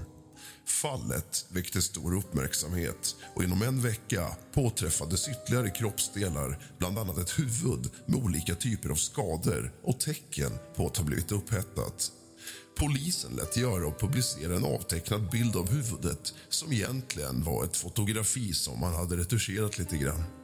Fantombilden igenkändes bland annat av en son till Gabriel Kirsch och med hjälp av tandröntgenbilder kunde huvudet identifieras. Misstankarna riktades snabbt mot Gabriel Kirschs hustru Maria Kirsch som lämnat landet och husrannsakan och noggrann teknisk undersökning genomfördes av makarna Kirschs lägenhet i Bandhagen i södra Stockholm. Lägenheten var minutiöst rengjord med vissa fynd av hårstrån och DNA som kunde göras i köksugnen. Maria Kirsch greps senare och häktades misstänkt för mord. Hon nekade hela tiden till att ha med dödsfallet att göra men hade svårt att ge rimliga förklaringar till olika fynd och observationer. Hon friades i tingsrätten men fälldes senare i hovrätten. Hovrätten fann att den sammantagna bilden talade för att den 81-åriga Gabriel Kirsch mördats av Maria Kirsch. Den tekniska undersökningen av parets lägenhet talade starkt för att både mordet och styckningen hade skett där och att styckningen hade sexualsadistiska inslag. Det var också klart att hans huvud utsatts för värmepåverkan. Hovrätten bedömde att det är ytterst sannolikt att mannen av en slump skulle råkat ut för en rånmördare som dessutom styckat kroppen på ett sexualsadistiskt sätt. Den 29 november 2000 dömdes Svea hovrätt Kirsch till livstidsfängelse och utvisning för mord. Hon överfördes efter fyra år till rumänskt fängelse där hon efter totalt 11 år i fängelse släpptes fri 2011. Gabriel Kirsch föddes i Rumänien 1917 och kom så småningom till Sverige. Han var gift, men blev enkling 1993. 1997 var han på tillfälligt besök i Rumänien och träffade den då 44-åriga Maria som följde med Gabriel till Sverige, där de inom kort gifte sig. Styckmordet på Gabriel Kirsch var ett styckmord som ägde rum i Stockholm i november 1998. Gabriel Kirsch var vid sin död 81 år gammal. Hans hustru Maria Kirsch, född 1953 i Timisoara i Rumänien dömdes år 2000 till livstidsfängelse för mordet och släpptes som sagt 2011. I kommande delar ska vi grotta ner oss i förundersökningen. Vad hände egentligen? Och varför? Varför valde hon att mörda sin 81-åriga man? Välkomna, mina damer och herrar, till Kroppsdelarna i Söder Mälarstrand. Tack för att du lämnar ett omdöme och trycker på följ. Hämta någonting gott att dricka och lite sällskap. Släck alla lampor och tänd alla ljus och sätt dig ner, din fegis. För nu börjar dagens avsnitt av kusligt, rysligt och mysigt.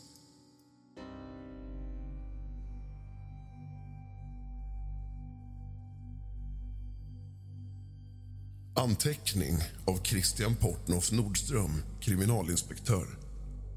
Onsdag den 10 mars 1999 kontaktade läraren Karl Höglund undertecknad per telefon.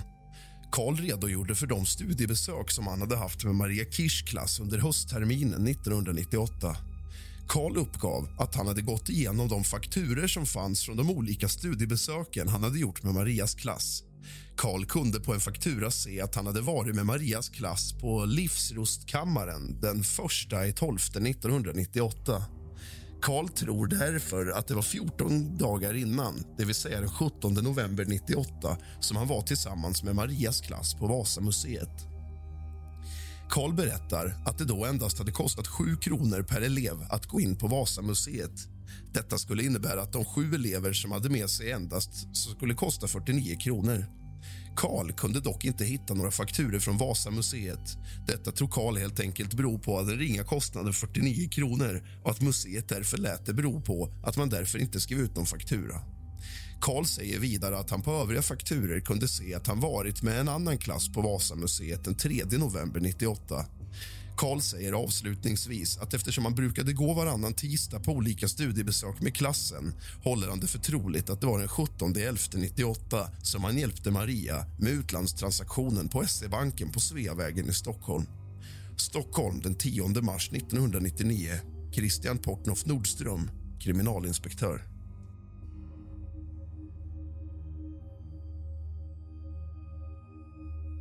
Polisförhör med lärare Lars Bengt Magnusson av kriminalinspektör Sten-Åke Wrandling på Citypolisens våldsrotel den 25 mars 1999.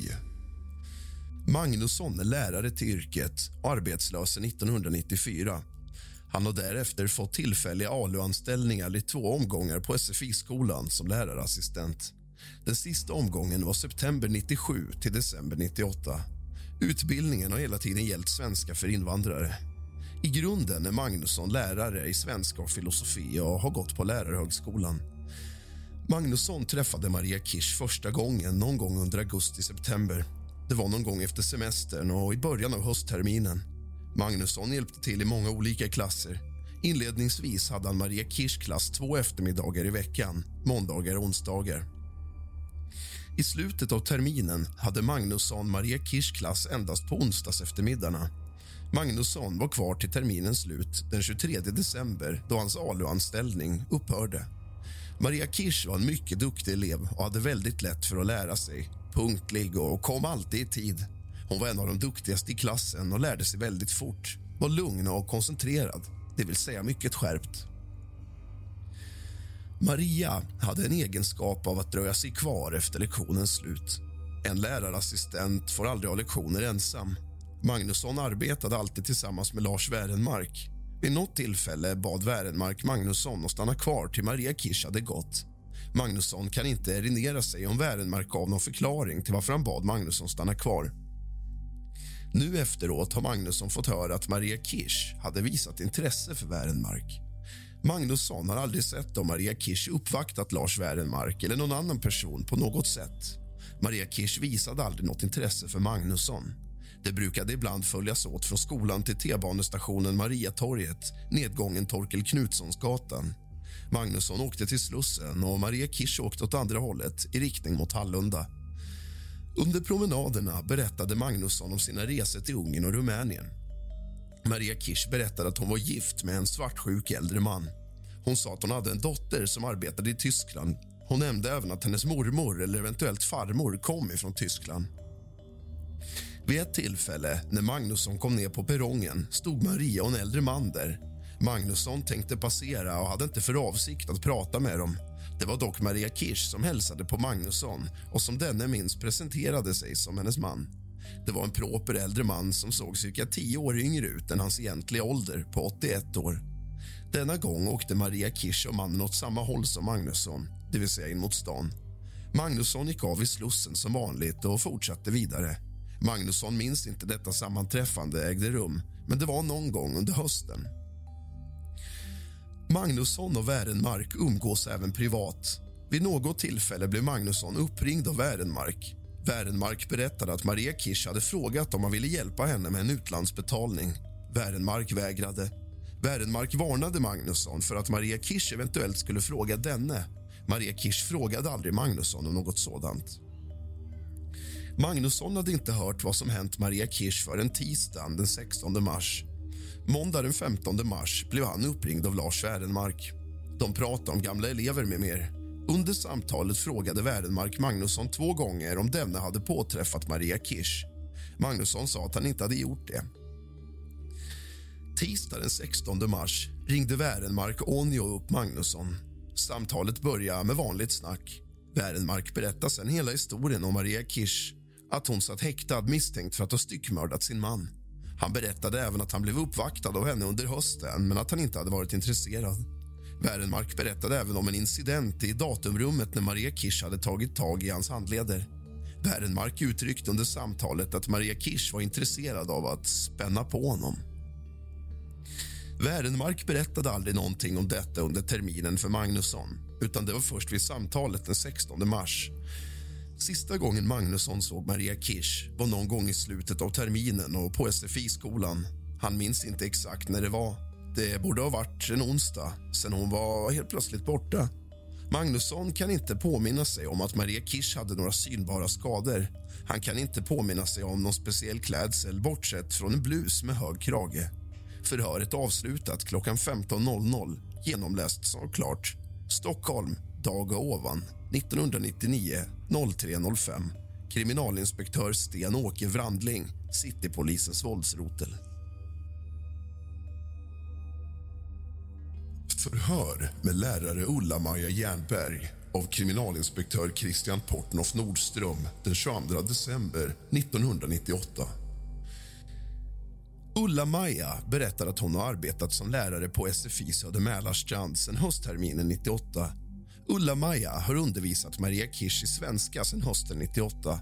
Undervisningen som Ulla-Maja har haft med Marias klass har varit måndagar klockan 11.40 till 13.10. Maria har alltid varit närvarande under lektionen förutom i måndags den 21 december 1998. Då infann sig aldrig Maria i skolan. Ulla-Maja ombeds beskriva Maria som person. Ulla-Maja beskriver Maria som en mycket ambitiös elev. Maria har själv sagt att hon tycker att det har gått rätt fort för henne att lära sig svenska språket. Och Jag pausar här i förhöret. Märker ni skillnaden vad hon säger till den kvinnliga läraren versus den manliga?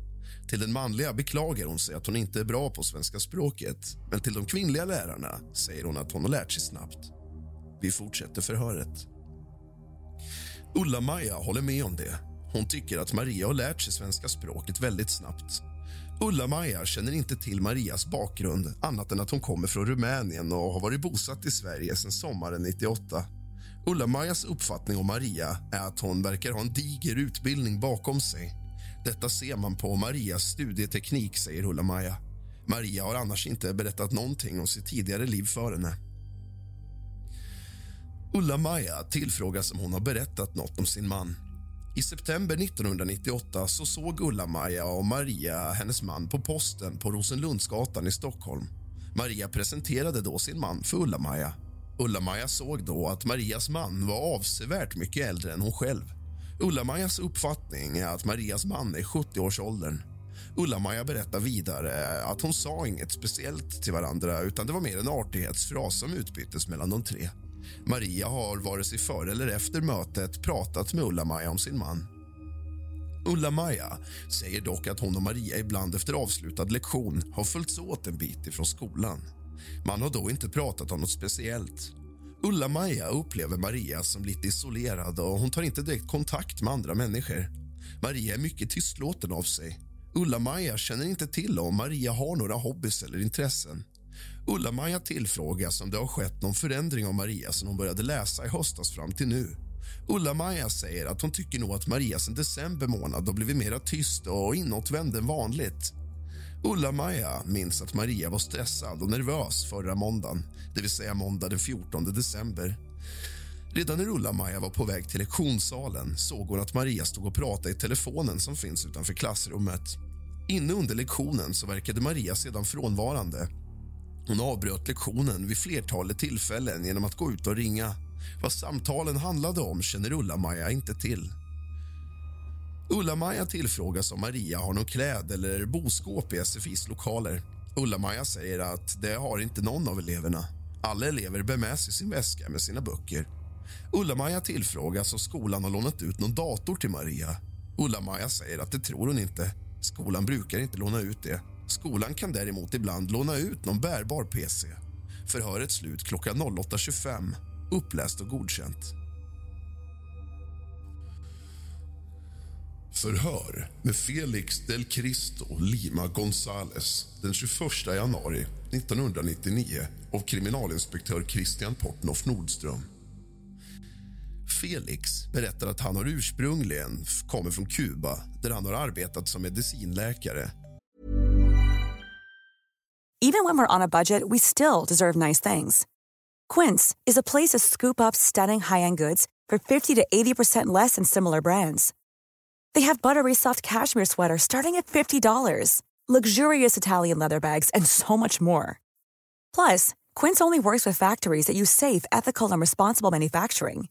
Get the high-end goods you'll love without the high price tag with Quince. Go to quince.com/style for free shipping and 365-day returns. Felix har bott i Sverige i tre år. Felix började studera svenska i Marias grupp i september 1998. Felix tillfrågas hur pass väl han känner Maria. Felix tycker inte att han känner Maria så väl. Felix känner inte till om Maria är gift eller inte. Maria pratade några gånger om sin dotter, men inte om något annat. Felix säger att ibland var Maria trevlig i klassrummet men ibland visade hon sig vara aggressiv. Maria kunde bli aggressiv i samband med diskussioner om vad som var rätt och fel i problemlösningar. Felix tyckte aldrig att ilskan från Marias sida gällde några stora problemlösningar utan det var små saker hon kunde bli arg över. Maria ville hela tiden visa att hon var den som hade rätt och de andra hade fel. Felix tycker att Maria är duktig på svenska. Felix anser att Maria är en mycket speciell kvinna.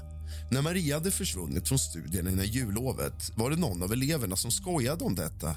Maria har inte pratat någonting om sin bakgrund.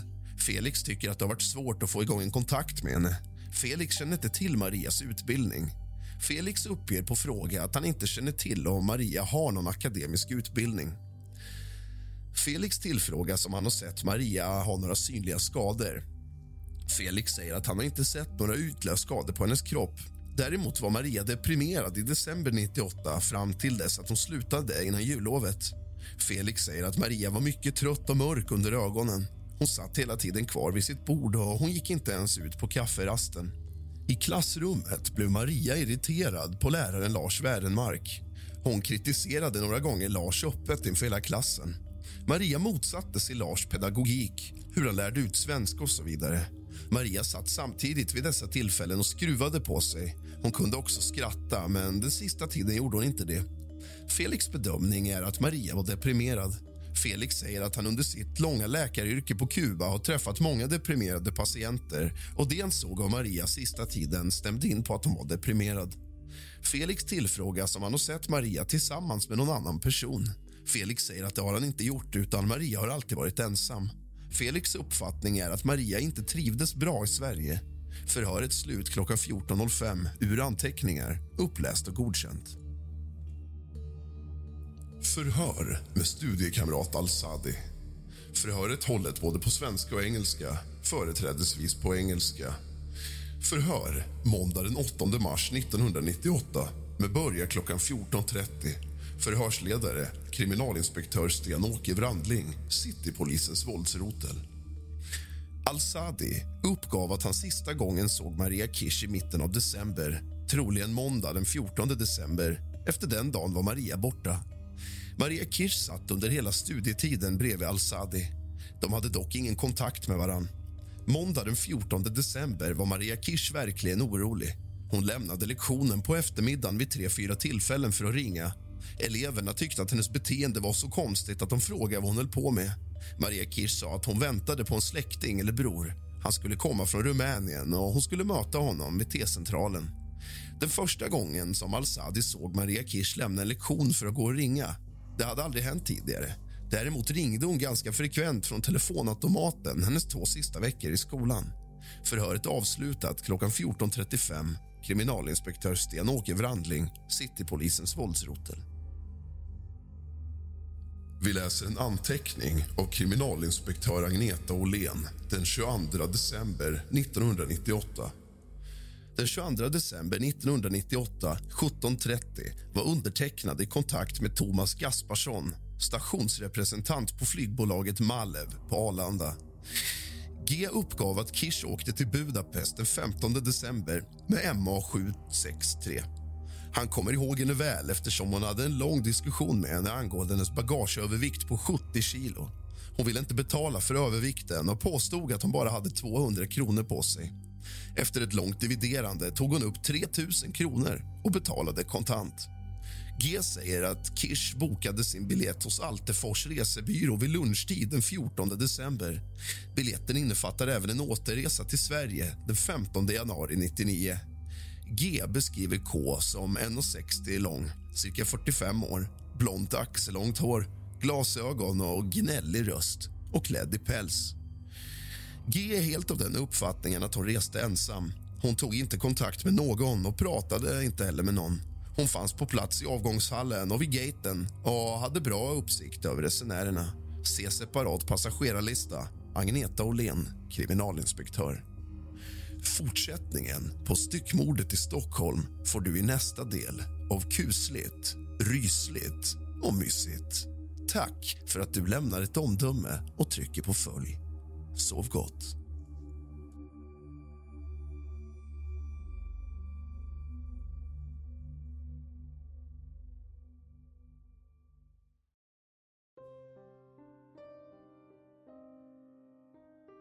Den 30 november 1998 upptäckte flera personer något som visade sig vara likdelar i vattnet vid Söder Mälarstrand i centrala Stockholm. Fallet väckte stor uppmärksamhet och inom en vecka påträffades ytterligare kroppsdelar bland annat ett huvud med olika typer av skador och tecken på att ha blivit upphettat. Polisen lät göra och publicera en avtecknad bild av huvudet som egentligen var ett fotografi som man hade retuscherat lite grann. Fantombilden igenkändes bland annat av en son till Gabriel Kirsch och med hjälp av tandröntgenbilder kunde huvudet identifieras. Misstankarna riktades snabbt mot Gabriel Kirschs hustru Maria Kirsch som lämnat landet och husrannsakan och noggrann teknisk undersökning genomfördes av makarna Kirschs lägenhet i Bandhagen i södra Stockholm. Lägenheten var minutiöst rengjord med vissa fynd av hårstrån och DNA som kunde göras i köksugnen. Maria Kirsch greps senare och häktades misstänkt för mord. Hon nekade hela tiden till att ha med dödsfallet att göra men hade svårt att ge rimliga förklaringar till olika fynd och observationer. Hon friades i tingsrätten men fälldes senare i hovrätten. Hovrätten fann att den sammantagna bilden talade för att den 81-åriga Gabriel Kirsch mördats av Maria Kirsch. Den tekniska undersökningen av parets lägenhet talade starkt för att både mordet och styckningen hade skett där och att styckningen hade sexualsadistiska inslag. Det var också klart att hans huvud utsatts för värmepåverkan. Hovrätten bedömde att det är ytterst sannolikt att mannen av en slump skulle råkat ut för en rånmördare som dessutom styckat kroppen på ett sexualsadistiskt sätt. Den 29 november 2000 dömdes Svea hovrätt Kirsch till livstidsfängelse och utvisning för mord. Hon överfördes efter fyra år till rumänskt fängelse där hon efter totalt 11 år i fängelse släpptes fri 2011.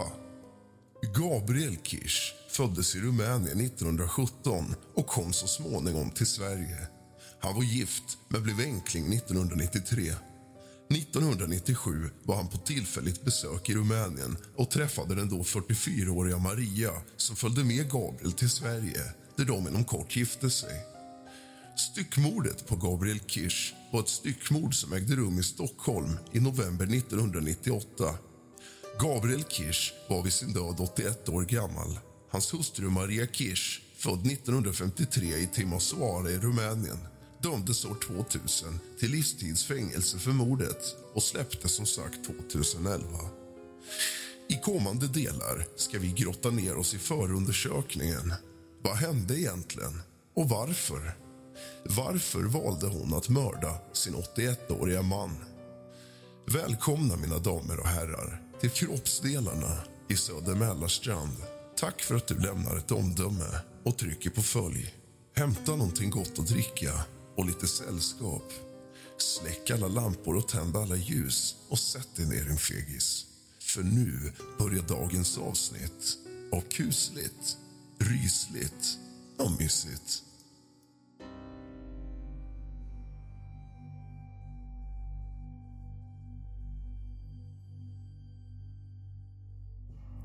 Förhör med Thomas Gasparsson den 30 mars 1999 av kriminalinspektör Christian Portnoff Nordström hörde om sina iakttagelser och vetskap i samband med Maria Kirs utresa från Arlanda flygplats tisdagen den 15 december 1998. Thomas arbetar som stationsrepresentant för flygbolaget Malev på Arlanda. Thomas ombeds redogöra för hur det gick till vid det tillfälle som Maria Kirsch reste ut ifrån Sverige det vill säga den 15 december 98. Thomas säger att han minns att Maria hade kraftig övervikt på sitt resebagage. Thomas har för sig att det var runt 70 kilo för mycket. 20 plus 5 kilo är den tillåtna bagagevikten. Thomas tror att hon kan ha haft ungefär fyra väskor med sig. Det var två resväskor, någon sportbag och ytterligare någon väska. Thomas frågade aldrig Maria vad hon hade inuti väskorna som vägde så mycket. Thomas tittade aldrig heller inuti väskorna. Thomas minns att Maria sa att väskorna innehöll presenter, julklappar och så vidare som hon skulle ta ner till släktingar. När Thomas sa åt Maria att hon hade alldeles för mycket övervikt så sa hon att Altefors, som hade sålt resan till henne hade sagt att det gick bra att ta med övervikt på flygplanet. Thomas sa åt Maria att om det hade varit några kilos övervikt hade han godkänt det men inte denna kraftiga övervikt, alltså 70 kilo. Thomas sa åt Maria att det skulle komma att kosta henne mycket för övervikten. Maria frågade om det fanns något ställe hon kunde pantsätta sina juveler. Maria tog samtidigt av sig en ring. Den var en lite tjockare guldring. Thomas vet inte riktigt, men det är mycket möjligt att det satt en sten i ringen eller så var guldet i ringen ganska tjockt. Maria hävdade att denna ring skulle täcka övervikten. Thomas sa att hon absolut inte kan ta emot ringen. Thomas sa åt Maria att hon måste ha kontanter eller kreditkort att betala med.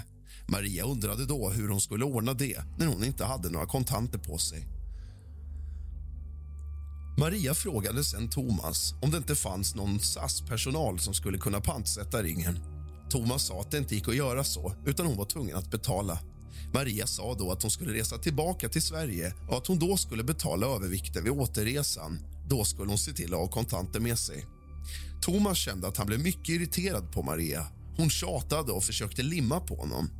Thomas åt Maria att hon kunde lämna kvar bagaget i förvaringsavdelningen på Arlanda. Detta ville dock inte Maria göra.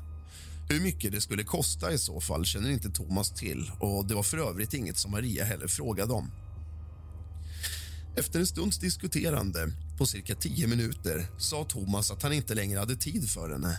Thomas sa åt Maria att hon fick gå fram och checka in i disken. Därefter lämnade Thomas platsen och sysslade med andra arbetsuppgifter. I efterhand fick Thomas höra att Mikael, som är på SAS och anställd tog hand om Maria vid incheckningsdisken och att Maria hade betalat 3 000 kronor i kontanter för övervikten. SAS hade därmed bjudit på 10 kilos övervikt. Det var egentligen närmare 4 000 kronor som Maria skulle ha betalat. Thomas säger att det är hans uppfattning att hon verkligen ville ha med sig bagaget till Rumänien. Thomas tillfrågas hur Maria var klädd vid detta tillfälle. Thomas säger att Maria var klädd i en stor hårig dampäls som var ljus till färgen. Hon hade dessutom ett par läderstövlar som gick upp till knäna. Thomas tillfrågas om Maria hade övriga guldföremål eller smycken på sig. Thomas säger att hon hade ett par örhängen samt ett halsband i guld som gick ner till hennes nyckelben. Det var inte vare sig någon tunn eller tjock guldkedja utan det var mitt emellan. I övrigt så tror Thomas att Maria hade ytterligare någon eller några ringar på sina fingrar. Thomas kan dock inte beskriva dessa då han känner sig osäker på det. Thomas berättar vidare att han var i Budapest i Ungern under perioden 25 januari till 5 februari 1999. Thomas satt då vid ett tillfälle på restaurang. Thomas har för sig att han läste tidningen Budapest Sun. Thomas läste i tidningen en artikel där det stod att polisen sökte en dam med rumänsk bakgrund som var misstänkt för våldsbrott i Sverige. Det stod också i artikeln att man misstänkte att kvinnan hade någon kompanjon. Thomas kom då direkt att tänka på Maria Kirsch eftersom han i det skedet hade blivit kontaktad av svensk polis angående sina iakttagelser och observationer från Marias utresa från Sverige den 15 december 1998. Förhöret slut klockan 15.05 ur anteckningar uppläst och godkänt. Förhör med Bo Johansson av kriminalinspektör Christian Portnoff Nordström den 14 juni 1999. Johansson förhörs angående sina iakttagelser i samband med kontroll av avlopp i badrummet. Bo arbetar med högtrycksspolning av avloppssystem. Bo berättar att hans spontana reaktion i samband med kontroll av golvbrunnen i badrummet i Kirs lägenhet var att golvbrunnen var rengjord. Bo säger att han har för sig att han skrev ner detta på rapporten till fakturan som skickades till polisen efter utfört arbete. Bo berättar att normalt sett så brukar det alltid finnas tvålrester och annat i golvbrunnarna. Bo säger vidare att det alltid brukar vara slemmigt och halkigt inne i golvbrunnarna, men det var det inte i denna. Golvbrunnen i den aktuella lägenheten på Sjösavägen såg gammal ut, men den var rengjord. Bo säger att den som har rengjort golvbrunnen i lägenheten har lagt ner lyse på att få den ren. Bo tillfrågas om han sett en sådan ren golvbrunn någon gång tidigare. Bo säger att när han kommer ut och kontrollerar avloppssystem är alltid golvbrunnarna skitiga och Bo och hans kollegor får göra rent dessa. Det är således inte normalt att golvbrunnarna är rengjorda, säger Bo. Bo reagerade direkt när han såg att denna golvbrunn på Sjösavägen på grund av att den var så rengjord. Bo säger att personen som har gjort rent golvbrunnen på Sjasavägen har använt starkt medel. Det kan ha varit kaustiksoda eller något annat starkt medel, säger Bo. Bo säger att i normala fall finns det alltid rester vid vattennivån i golvbrunnen, men det fanns det inte i denna. Bo säger att han såg stammarna och att de var utbytta i badrummet relativt nyligen, men golvbrunnen var ej utbytt. Bo tillfrågas hur lång tid det tar innan tvålrester börjar synas igen i en golvbrunn sen den är rengjord som den i lägenheten på Sjasavägen som paret Kirsch bodde i. Bo säger att efter cirka 20-25 duschtillfällen kan man se tvålavlagringar i golvbrunnen. Bo tillfrågas hur lång erfarenhet han har inom yrket. Bo säger att han arbetat med högtrycksspolning och kontroller av avloppssystem i 16 år. Innan dess arbetade Bo i sex år som arbetsledare på Fastigheternas servicecentral och fastighetsskötare med avloppssystem. Bo tillfrågas slutligen i vilka fall han anlitats och vad han utfört för sorts arbete. Bo säger att hans firma är specialiserade på avloppssystem. Bo säger att de gör okulärbesiktningar det innebär att de gör erfarenhetsmässiga bedömningar av avloppssystem. De arbetar också förebyggande genom att filma avloppsrör invändigt, spola rent rören och underhållsspola rören i hela fastigheter. De gör felsökningar i avloppssystem. Bo säger att de lämnar funktionsgarantier på de besiktningar och arbeten de utfört. Bo säger att information om det arbete de gör finns att ta fram på internet. Information bifogas förhöret. Förhöret slut klockan 12.30. Uppläst och godkänt. Förhör med Caroline Bartel den 8 april 1999 på polisstationen i Kirstarcha. Förhörsledare kriminalinspektör Sten-Åke Wrandling, kriminalinspektör Christian Portnoff Nordström närvarande kapten Imre Farkas, Krkom Anders Wretling. Förhöret tolkat från svenska till ungerska med hjälp av auktoriserade tolken Idiko Haris. Caroline informeras inledningsvis om att han hörs uppvisningsvis om sin kännedom och vetskap om Maria Kirsch. Han upplyses även att Maria Kirsch sitter häktad i Sverige och att hon sitter häktad för mordet på sin make Gabriel Kirsch. Caroline tillfrågas om han känner till att Maria Kirsch sitter häktad i Stockholm. Caroline säger att det känner han inte till. När Maria var hos dem i december ringde Maria och frågade om hon fick komma till honom. Det Maria sa var att hon hade kommit från Sverige eftersom hennes visum hade gått ut att hon var rädd för att hennes man hade försvunnit. Maria var mycket rädd och anmälde saken till polisen. De åkte till hotellet för att leta efter Gabriel men det visade sig att hotellet var stängt. Det som hände sen var att hon ringde till Stockholm ett par gånger. Caroli kände inte till telefonnummer eller adress till Stockholm. Det fick han veta först då hon kom. Han visste inte ens att Maria var gift. Varken sonen eller någon annan kunde ge upplysning om Marias make. Maria bestämde sig för att åka till ambassaden i Bukarest och ansöka om visum. Sedan kom hon tillbaka och tog flyget och reste till Sverige. Berättade Maria vad hon var misstänkt för? Nej, hon sa bara att hennes man var försvunnen och att det inte var anmält till polisen. Vad tror Caroly var anledningen till att polisen gjorde husrannsakan hos honom? Caroly säger att det vet han inte. Caroli säger att polisen kanske var hemma hos honom för att leta efter Marias make. Caroly brydde sig inte så mycket om att de gjorde en husrannsakan hemma hos honom. Caroli ombeds beskriva sin relation med Maria. Både Maria och Caroli är från Timisoara. Caroli säger att de skilde sig. Efter det kom Caroli till Ungern och bosatte sig där. Först träffades Caroli och Maria oftare, sen allt mera sällan. Caroli bor idag ensam i Ungern. Efter skilsmässan har de båda haft en vänskaplig relation med varandra. De är båda utbildade civilingenjörer med högskoleutbildning i Timisoara. Båda fick arbeten efter utbildningen.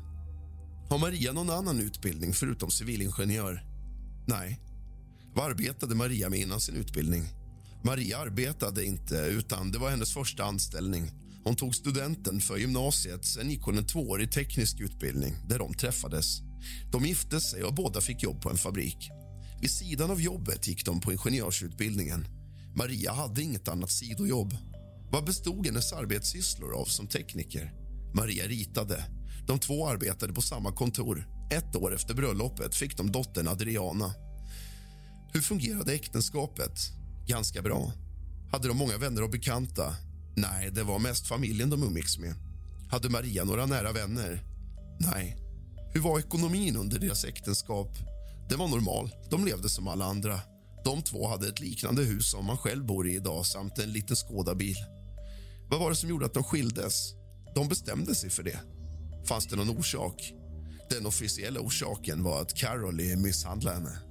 Den inofficiella var att de hade bestämt sig för att skiljas och att Carol hade bestämt sig för att flytta till Ungern. Skilsmässan var 1988, stämmer det? Jag kommer inte ihåg. Stämmer att han misshandlade henne? Ja, flera gånger. Kan Karoli beskriva Maria som person? Karoli vill säga att han tror inte Maria är skyldig till någonting. Hon är ju mor till dottern Adriana och Karoli vill Maria väl. Karoli vill inte säga någonting som kan skada Maria. Karoli är säker på att polisen hittar rätt gärningsman. Maria är en kvinna med mycket stark vilja. Det var svårt att övertyga Maria om saker och ting. Oftast så bråkar man om just detta. Maria kunde göra Caroly väldigt nervös. Hon var väldigt pratsam och tjatade tills dess att Carol inte orkade mer. Hon kunde vara aggressiv och våldsam. Nej, inte riktigt. Hon slog aldrig vare sig Adriana eller Caroly. Hon kunde vara aggressiv med munnen. Var det vanligt? Ja, det hade att göra med hennes mensperioder. Då var hon orolig och nervös. Och Caroly har hört att hon tidigare varit våldsam mot andra. Det har han aldrig hört, eller att det skulle ha hänt. Har Maria svårt i sina relationer med andra människor? Nej, tvärtom. Hon har väldigt lätt för att knyta nya kontakter och hon har varit omtyckt. Hur kort period efter skilsmässan flyttade han till Ungern? Svårt att komma ihåg, men det var någon gång under 1990. Vad gjorde Caroli åren 88 till 90? Jobbade kvar och bodde fortfarande ihop eftersom de inte hade någon annanstans att bo. Innan skilsmässan hade Caroli arbetat eller varit utomlands, eller? Ja, han har aldrig arbetat eller varit utomlands. Den möjligheten fanns inte. Hade varit på besök två gånger i Ungern. Gjorde Maria några utlandsresor fram till 1988. Man kunde inte resa utomlands från Rumänien under den perioden. Det var först 1990. Hur fungerade det dem emellan 88 till 90? Det var normalt, inget speciellt. De var vänner. Hade de egna bekantskapskretsar var för sig. Alla hade sin egna familj. Carolee hade sin äldre syster som han umgicks med. Hade Carolee en ny kvinna? Nej, och Maria hade ingen ny man. Mars 1990 flyttade Carolee till Ungern. Han eh, bodde först och åkte till Miskolc, där hans släktingar bor och stannade där i ett år. Sen bodde han på ett kollektiv som hans arbetsplats hade. De senaste fyra åren hade han bott i sitt hus. Var arbetar han idag och vad är sysselsättningen? De tillverkar bussar. Fram till december förra året arbetade han på Icarus. Därefter på sin nuvarande arbetsplats. De tillverkar karosser för bussar. På den förra anställningen jobbade Carol i åtta år. Har Carol levt ensam eller tillsammans med någon annan kvinna? Carol har levt ensam. Han har inte haft umgänge med någon annan kvinna. Hur har kontakten med Maria varit sedan han flyttade 1990? På sommaren 1990 kom Maria till Carol för de skulle sluta fred med varann. I början kom hon oftare, sen allt mer sällan. De var dock aldrig ihop igen. Han bodde i Timisoara. Hur ofta kom hon? Varannan månad ungefär. När blev det mer sällan? Kring 93. Det hände att de inte träffades på ett helt år. Har Maria andra bekanta i Ungern, bortsett från Carolie? I början hade Maria bekanta. I Mesotur på en marknad sålde hon varor som hon ville fortsätta med. Så vitt Carolie vet hade hon inga bekanta i Ungern. Fortsättningen på förhöret med Carolee och nästa förhör får du i nästa del av Styckmordet i Stockholm. En följetong av kusligt, rysligt och mysigt. Tack för att du lämnar ett omdöme och trycker på följ. Sov gott.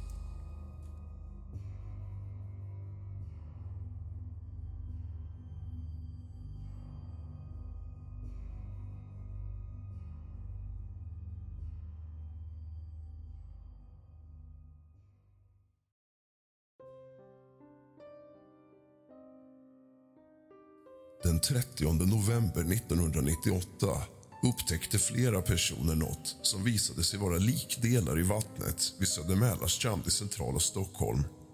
Fallet väckte stor uppmärksamhet och inom en vecka påträffades ytterligare kroppsdelar bland annat ett huvud med olika typer av skador och tecken på att ha blivit upphettat. Polisen lät göra och publicera en avtecknad bild av huvudet som egentligen var ett fotografi som man hade retuscherat lite grann. Fantombilden igenkändes bland annat av en son till Gabriel Kirsch och med hjälp av tandröntgenbilder kunde huvudet identifieras. Misstankarna riktades snabbt mot Gabriel Kirschs hustru Maria Kirsch som lämnat landet och husrannsakan och noggrann teknisk undersökning genomfördes av makarna Kirschs lägenhet i Bandhagen i södra Stockholm. Lägenheten var minutiöst rengjord med vissa fynd av hårstrån och DNA som kunde göras i köksugnen. Maria Kirsch greps senare och häktades misstänkt för mord.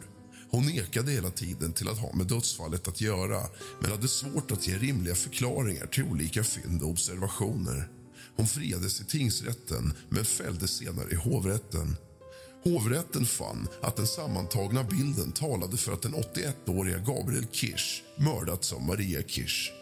Den tekniska undersökningen av parets lägenhet talade starkt för att både mordet och styckningen hade skett där och att styckningen hade sexualsadistiska inslag.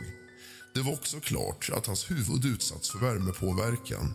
Hovrätten bedömde att det är ytterst sannolikt att mannen av en slump skulle råkat ut för en rånmördare som dessutom styckat kroppen på ett sexualsadistiskt sätt. Den 29 november 2000 dömdes Svea hovrätt Kirsch till livstidsfängelse och utvisning för mord. Hon överfördes efter fyra år till rumänskt fängelse där hon efter totalt 11 år i fängelse släpptes fri 2011. Gabriel Kirsch föddes i Rumänien 1917 och kom så småningom till Sverige. Han var gift, men blev enkling 1993. 1997 var han på tillfälligt besök i Rumänien och träffade den då 44-åriga Maria som följde med Gabriel till Sverige, där de inom kort gifte sig. Styckmordet på Gabriel Kirsch var ett styckmord som ägde rum i Stockholm i november 1998. Gabriel Kirsch var vid sin död 81 år gammal. Hans hustru Maria Kirsch, född 1953 i Timisoara i Rumänien dömdes år 2000 till livstidsfängelse för mordet och släpptes som sagt 2011. I kommande delar ska vi grotta ner oss i förundersökningen. Vad hände egentligen? Och varför? Varför valde hon att mörda sin 81-åriga man? Välkomna, mina damer och herrar, till kroppsdelarna i Söder Mälarstrand. Tack för att du lämnar ett omdöme och trycker på följ. Hämta någonting gott att dricka och lite sällskap. Släck alla lampor och tänd alla ljus och sätt dig ner, din fegis. För nu börjar dagens avsnitt av kusligt, rysligt och mysigt.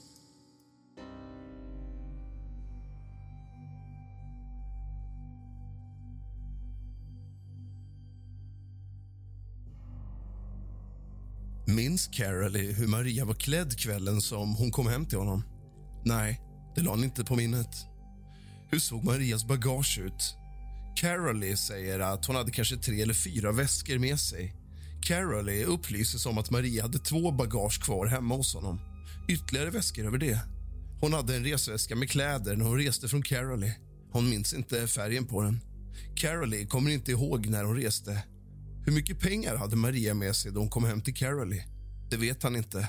Hon visade aldrig. Hur länge stannade Maria hemma hos Caroly? Någon gång under den första veckan i januari. Hon reste sen iväg från honom. Caroly beskrev igår husrannsakan att Maria sov i soffan till vänster och Caroly i sängen till höger.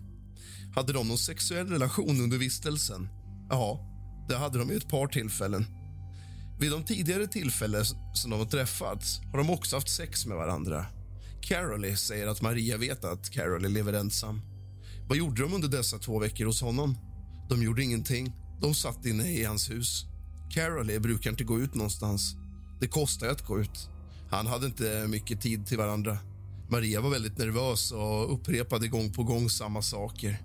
Till sist sa Carolee till Maria att hon skulle sluta tjata istället och uträtta saker. Det var allmänna samtal om dottern, inget märkvärdigt. Berättade inte Maria något om Sverige? Inte mycket. Hon sa att det var kallt. Berättade Maria vad hon hade för planer i Sverige? Nej, inget konkret. Berättade hon hur hon levde? Maria berättade att hon studerade och gick i skolan men vad hon jobbade med berättade hon inte. Carolee har ju fått en del gåvor av Maria. I vilket skede fick Carolee dessa?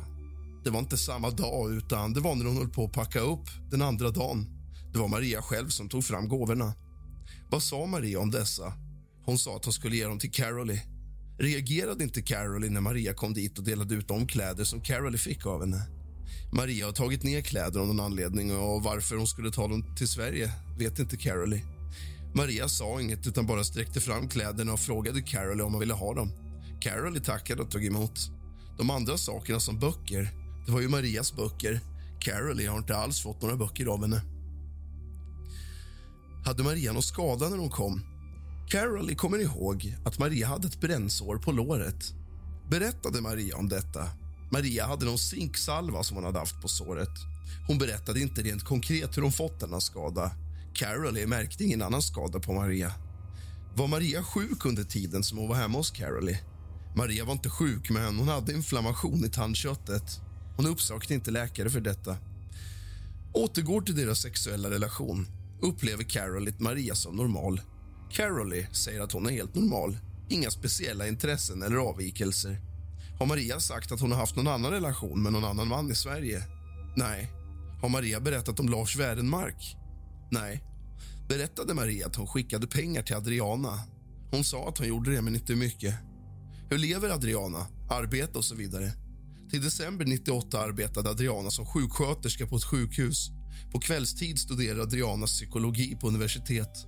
Adriana har slutat på sjukhuset och söker nu nytt jobb. Adriana har bil och pojkvän. Har Maria någon kunskap om anatomi? Nej, hon har aldrig varit intresserad av sånt. Har Maria kommit i kontakt med jakt och styckning av djur? Nej, inget sånt. Caroly tror inte ens att Maria slaktat en kyckling. Känner Caroly Maria Cantona eller Marie Filon? Nej, det gör han inte. Förhöret avslutat.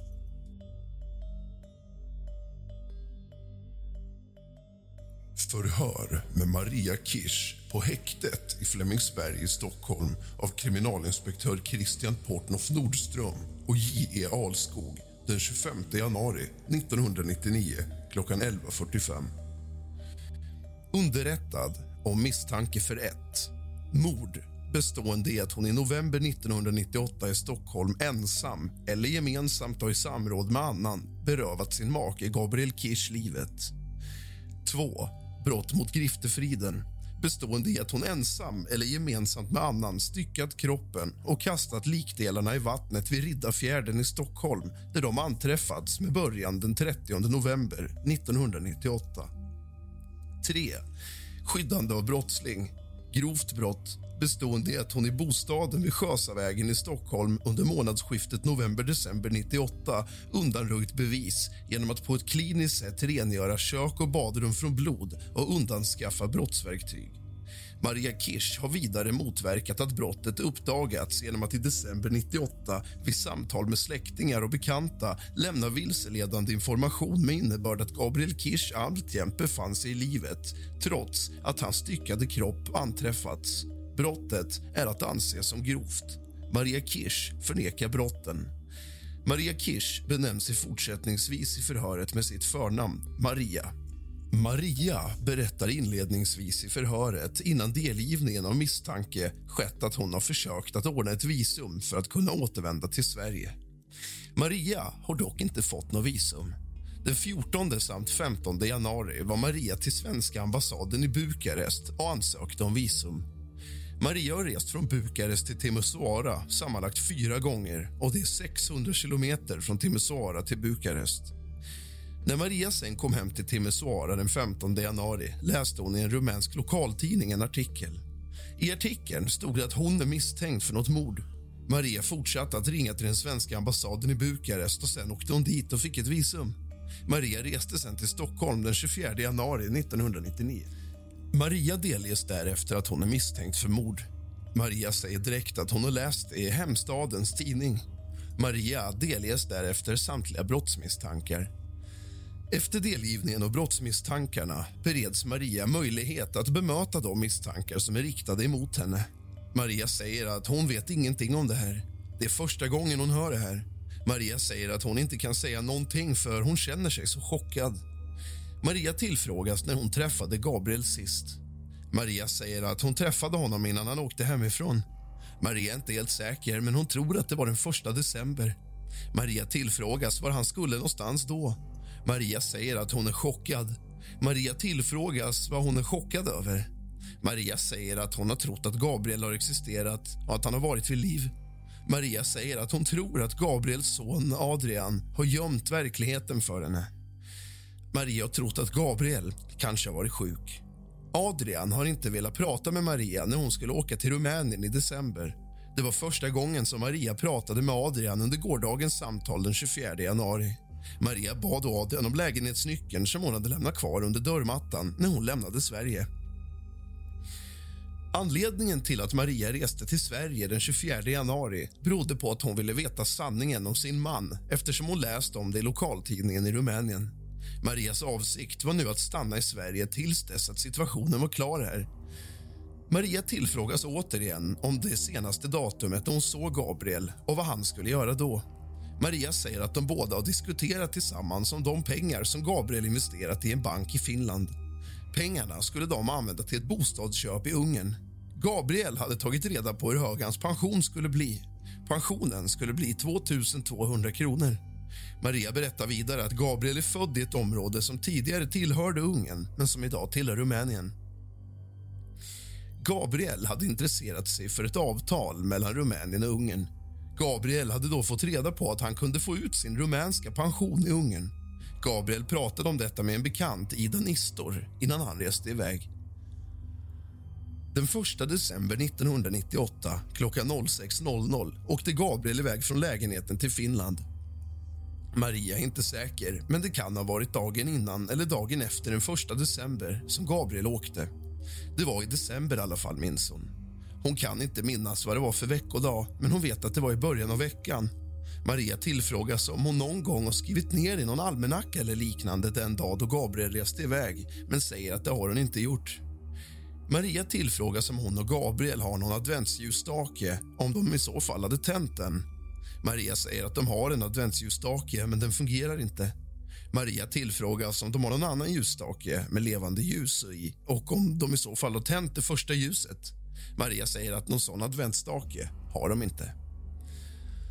Maria tillfrågas om Gabriel hade någon packning med sig då han reste. Maria säger att han hade en brun bag med dragkedja. Ganska stor var den. Vad Gabriel hade i väskan vet inte Maria riktigt. Det var Gabriel själv som packade väskan med sina personliga tillbehör.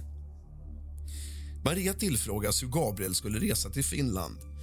Maria säger att han skulle åka med båt, men hon vet inte vilken båt eller varifrån den skulle avgå. Gabriel sa endast att han skulle åka någonstans från T-centralen. Gabriel sa att han måste vara där klockan sju, men vilken tid båten avgick känner inte Maria till. Maria vet inte om någon annan visste att Gabriel skulle åka till Finland, Mariehamn. Hur länge Gabriel skulle stanna i Finland vet inte Maria. Gabriel sa att han inte med säkerhet visste hur länge han skulle stanna där. Hur mycket pengar han skulle ta ut vet inte Maria. Maria tillfrågas vad anledningen var att han var tvungen att åka dit för att hämta ut sina pengar. Anledningen var att Gabriel därefter skulle resa direkt till Ungern och köpa en bostad. Hur Gabriel skulle bo i Mariehamn vet inte Maria. Maria pratade aldrig med Gabriel mer efter det att han reste till Mariehamn. Maria väntade på att Gabriel skulle ringa, men han har inte ringt. Maria känner inte till hur mycket pengar Gabriel hade med sig när han reste hemifrån bostaden. På vilket sätt Gabriel beställde båtbiljett känner inte Maria heller till. Maria säger att eftersom hon varje dag åkt hemifrån klockan 10 och kommit hem klockan 18 vet hon inte vad Gabriel gjort de dagarna eller vem han talat med. Maria tillfrågas hur lång tid innan som Gabriel hade bestämt sig för att fara till Mariehamn. Maria säger att Gabriel hade funderat ganska lång tid över det. Gabriel har försökt förklara för Maria och lagar, förordningar och att det handlar om skatter som skulle förändras innan årsskiftet och att han därför var tvungen att åka innan årets slut och investera sina pengar i Ungern. Maria tillfrågas hur Gabriel var klädd när han åkte iväg. Maria säger att Gabriel var klädd i en ljusbeige rock i kamelhår, bruna byxor, bruna skor, kostymjacka i ungefär samma färg som rocken. Maria tillfrågas om det är någon som har sökt Gabriel efter det att han reste iväg. Maria säger att Susanne och en släkting till Gabriel som heter Zoe som bor i Tyskland och ringt och sökt Gabriel. Maria har aldrig själv träffat Zoe. Maria har till dem båda sagt att Gabriel farit till Ungern. Maria poängterar att de åren hon har varit tillsammans och gift med Gabriel så har aldrig Adrian ringt eller träffat Gabriel eller Maria. Susanne har däremot kommit och gratulerat Gabriel då han fyllt år. Maria tillfrågas varför hon har sagt till Susanne och Zoe att Gabriel har rest till Ungern när hon till förhörsledarna säger att han har åkt till Mariehamn. Maria säger att det är för att Gabriel hade hämtat ut sina pengar i Mariehamn och inte ville åka tillbaka till Sverige med så mycket pengar utan ville fara direkt till Ungern. Gabriel sa åt Maria att han skulle ringa och hålla kontakten med henne, men det gjorde han aldrig. Maria vet inte hur mycket pengar det var som Gabriel skulle hämta ut. Det är ingenting som han har berättat om för henne. Maria tillfrågas om hon har haft något besök av någon person efter det att Gabriel åkte iväg till Mariehamn fram till dess att hon lämnar Sverige den 15 december. Maria säger att det finns ingen som har besökt henne i lägenheten. Maria säger att hon inte ens pratat i telefon förutom de tillfällen som Susanne eller Ida har ringt till lägenheten. Maria tillfrågas om hon och Gabriel hade besök av någon person innan dess att Gabriel åkte iväg. Maria säger att det inte har varit någon som besökt dem förutom Ida och någon väninna till Ida som besökte Gabriel och Maria. Det var kanske två veckor innan Gabriel åkte till Mariehamn. Annars säger Maria att de inte haft något umgänge med någon annan människa efter det att de båda gift sig med varann. Maria säger att det till slut blev så oroligt när aldrig Gabriel hörde av sig till henne. Maria ville därför prata med Adrian. Ida har berättat för Maria att Adrian inte ville tala med henne. Maria har sagt till Susanne att hon ville prata med Adrian. Maria säger att hon har ringt och försökt att få prata med Adrian både innan och efter det nya året, men Adrian har inte velat prata med henne. Maria säger också att hon har ringt Ida och frågat henne om hon vet något om Gabriel. Maria har också ringt hem till Gabriel och hennes eget telefonnummer från Rumänien. Maria säger att hennes resa till Rumänien den 15 december 98 var planerad sedan lång tid tillbaka. Det var första gången efter det här året sedan hon gifte sig med Gabriel som hon skulle åka hem och träffa familjen igen. Maria skulle fira de religiösa högtiderna eftersom hon är katolik. Maria bodde under vistelsen i Rumänien hos sin dotter Adriana. Adriana har en fyrarumslägenhet på Sirius 8 i Timisoara. Maria säger att hon själv inte har någon lägenhet i Rumänien. Maria tillfrågas vad hon har för packning med sig till Rumänien. Maria säger att hon hade gamla kläder med sig som hon skulle ge bort samt lite presenter. Vi hade två stycken stora tecken, säger hon. Det var inget speciellt av värde, utan små saker, men det var ganska mycket packning och ganska tungt. Maria hade med sig mer packning till Rumänien än hon hade med sig hem till återresan till Sverige den 21 januari. Maria säger att hon hade kvar sina kläder i Gabriels lägenhet. Maria tillfrågas på vilket sätt hon tog sig ut till Arlanda när hon reste iväg den 15 december. Maria säger att hon åkte taxi. Eftersom Maria anser att hon inte pratar så bra svenska gick hon till närmsta taxistation i Högdalens centrum och tog en taxi därifrån till bostaden. Maria tror att klockan var 12.13 ungefär när hon tog taxin. Maria säger att hon var ute i god tid innan hon skulle resa. Maria säger att hennes förhoppning var att hon skulle hitta Gabriel i Ungern.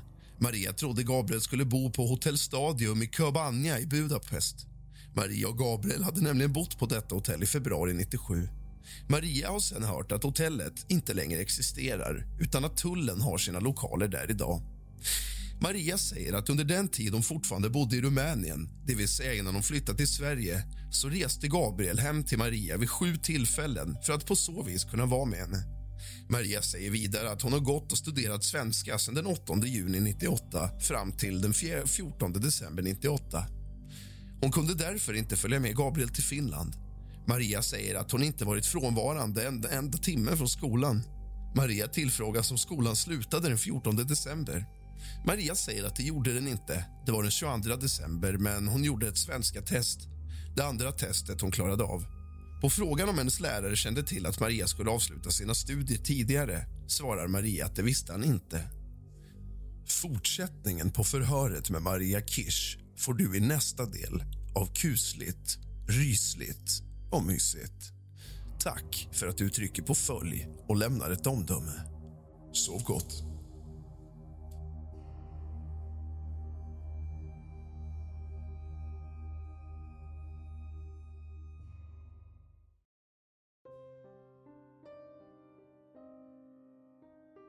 Den 30 november 1998 upptäckte flera personer något som visade sig vara likdelar i vattnet vid Södermälarstrand i centrala Stockholm. Fallet väckte stor uppmärksamhet och inom en vecka påträffades ytterligare kroppsdelar bland annat ett huvud med olika typer av skador och tecken på att ha blivit upphettat.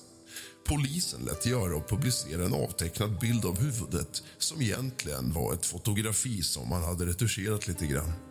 Fantombilden igenkändes bland annat av en son till Gabriel Kirsch och med hjälp av tandröntgenbilder kunde huvudet identifieras. Misstankarna riktades snabbt mot Gabriel Kirschs hustru Maria Kirsch som lämnat landet och husrannsakan och noggrann teknisk undersökning genomfördes av makarna Kirschs lägenhet i Bandhagen i södra Stockholm. Lägenheten var minutiöst rengjord med vissa fynd av hårstrån och DNA som kunde göras i köksugnen. Maria Kirsch greps senare och häktades misstänkt för mord. Hon nekade hela tiden till att ha med dödsfallet att göra men hade svårt att ge rimliga förklaringar till olika fynd och observationer. Hon friades i tingsrätten, men fälldes senare i hovrätten. Hovrätten fann att den sammantagna bilden talade för att den 81-åriga Gabriel Kirsch mördats av Maria Kirsch. Den tekniska undersökningen av parets lägenhet talade starkt för att både mordet och styckningen hade skett där och att styckningen hade sexualsadistiska inslag. Det var också klart att hans huvud utsatts för värmepåverkan. Hovrätten bedömde att det är ytterst sannolikt att mannen av en slump skulle råkat ut för en rånmördare som dessutom styckat kroppen på ett sexualsadistiskt sätt.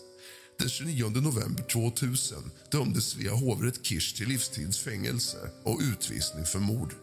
Hon överfördes efter fyra år till rumänskt fängelse där hon efter totalt 11 år i fängelse släpptes fri 2011. Gabriel Kirsch föddes i Rumänien 1917 och kom så småningom till Sverige. Han var gift, men blev enkling 1993. 1997 var han på tillfälligt besök i Rumänien och träffade den då 44-åriga Maria som följde med Gabriel till Sverige, där de inom kort gifte sig. Styckmordet på Gabriel Kirsch var ett styckmord som ägde rum i Stockholm i november 1998. Gabriel Kirsch var vid sin död 81 år gammal. Hans hustru Maria Kirsch, född 1953 i Timisoara i Rumänien dömdes år 2000 till livstidsfängelse för mordet och släpptes som sagt 2011. I kommande delar ska vi grotta ner oss i förundersökningen.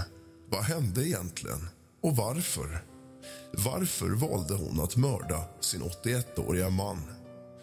Välkomna, mina damer och herrar, till kroppsdelarna i Söder Mälarstrand. Tack för att du lämnar ett omdöme och trycker på följ. Hämta någonting gott att dricka och lite sällskap. Släck alla lampor och tänd alla ljus och sätt dig ner, din fegis. För nu börjar dagens avsnitt av kusligt, rysligt och mysigt.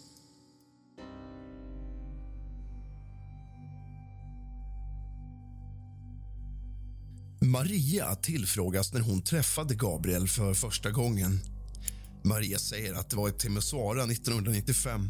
De båda träffades på Ospa-fabriken där Maria arbetade. De båda träffades genom en släkting till Gabriel, Maria Catona. Catona arbetade i Ospa-fabriken och Gabriel besökte Catona utanför fabriken och det var då som Maria träffade Gabriel. Fabriken gör undersökningar av jord och mark. Maria arbetade där som ingenjör sekundär. Maria har svårt att förklara titeln, men hon förklarar att i Sverige säger man överläkare och underläkare och att det i Rumänien finns olika grader av ingenjörer. När folk har frågat Maria vad hon har arbetat med i sitt hemland har det varit enklare att endast säga att hon är ingenjör. Maria berättar att hon arbetade i laboratoriet i två år. När Maria sen besökte Sverige för första gången med Gabriel i december 1996 så sa hon upp sig från sin arbetsplats Ospa i Timisoara. Maria arbetar att hon tidigare arbetat som tekniker på ett annat bolag som heter EBA, Electrobanat i Timisoara mellan åren 1975 och 1991. Maria har gått i grundskola och gymnasium. Efter det studerade hon två år finmekanik och optik. Hon har därefter läst fyra år på Mekanisk högskola, maskinbyggnadsteknologi. Maria gifte sig sen i Sundbyberg den 30 januari 1997 med Gabriel. Det var bådas önskemål om att de skulle få gifta sig med varandra. Maria uppger på fråga att hon tyckte att de båda har visat respekt mot varandra. Maria har upplevt äktenskapet som lugnt, säkert och tryggt med Gabriel. Maria anser att det har varit ett bra äktenskap. Maria uppger på fråga att hon mellan åren 1974 och 1987 var gift med Carolee Bartel. De har en gemensam dotter, Adriana, som är 23 år gammal. Adriana är sambo med en rumänsk kille som heter Mihi Strate. De två har inga barn. Avslutningsvis informeras Maria om att det är ett mycket allvarligt brott hon är misstänkt för och att det därför är av yttersta vikt att hon talar sanning. Maria säger att hon har sagt sanningen. Advokat Lotta Spandel har inga frågor. Förhöret avslutat klockan 13.05. Förhöret upptaget på band. En sammanfattning av frågor och svar är redovisade i detta förhör. Stockholm den 25 januari 1999. Christian Portnoff Nordström, kriminalinspektör. Förhör med Maria Kirsch. Förhöret hålls på Citypolisens våldsrotel torsdag den 4 februari 1999 med början klockan 14.15. Förhörsledare kriminalinspektörerna Sten-Åke Wrandling och Christian Portnoff Nordström. Närvarande vid förhöret tolken Carmen Lundgren och advokat Lars Engstrand. Ja, Maria, då vill jag först fråga dig om det sen tidigare förhöret är nåt du vill ändra på. Nej. Okej, okay, då vill jag börja förhöret. Men när du befinner dig i Rumänien innan du har träffat Gabriel, kände du till nåt om Sverige eller hade kontakt med Sverige då? Jag kände till lite grann att Sverige var ett europeiskt land med stort utvecklat land och att det var högsta levnadsstandarden i Europa. Kände du inte någon person eller hade någon bekant här? Nej. Sen träffade du Gabriel och det har du berättat om i ditt tidigare förhör. Och vad jag förstår så utvecklas det då en kärlek mellan er två.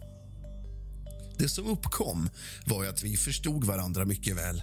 Jag vet inte om man kan säga eller nämna detta som kärlek. Och eftersom han behövde hjälp och jag själv ville komma till Sverige bestämde vi oss att vi skulle gifta oss.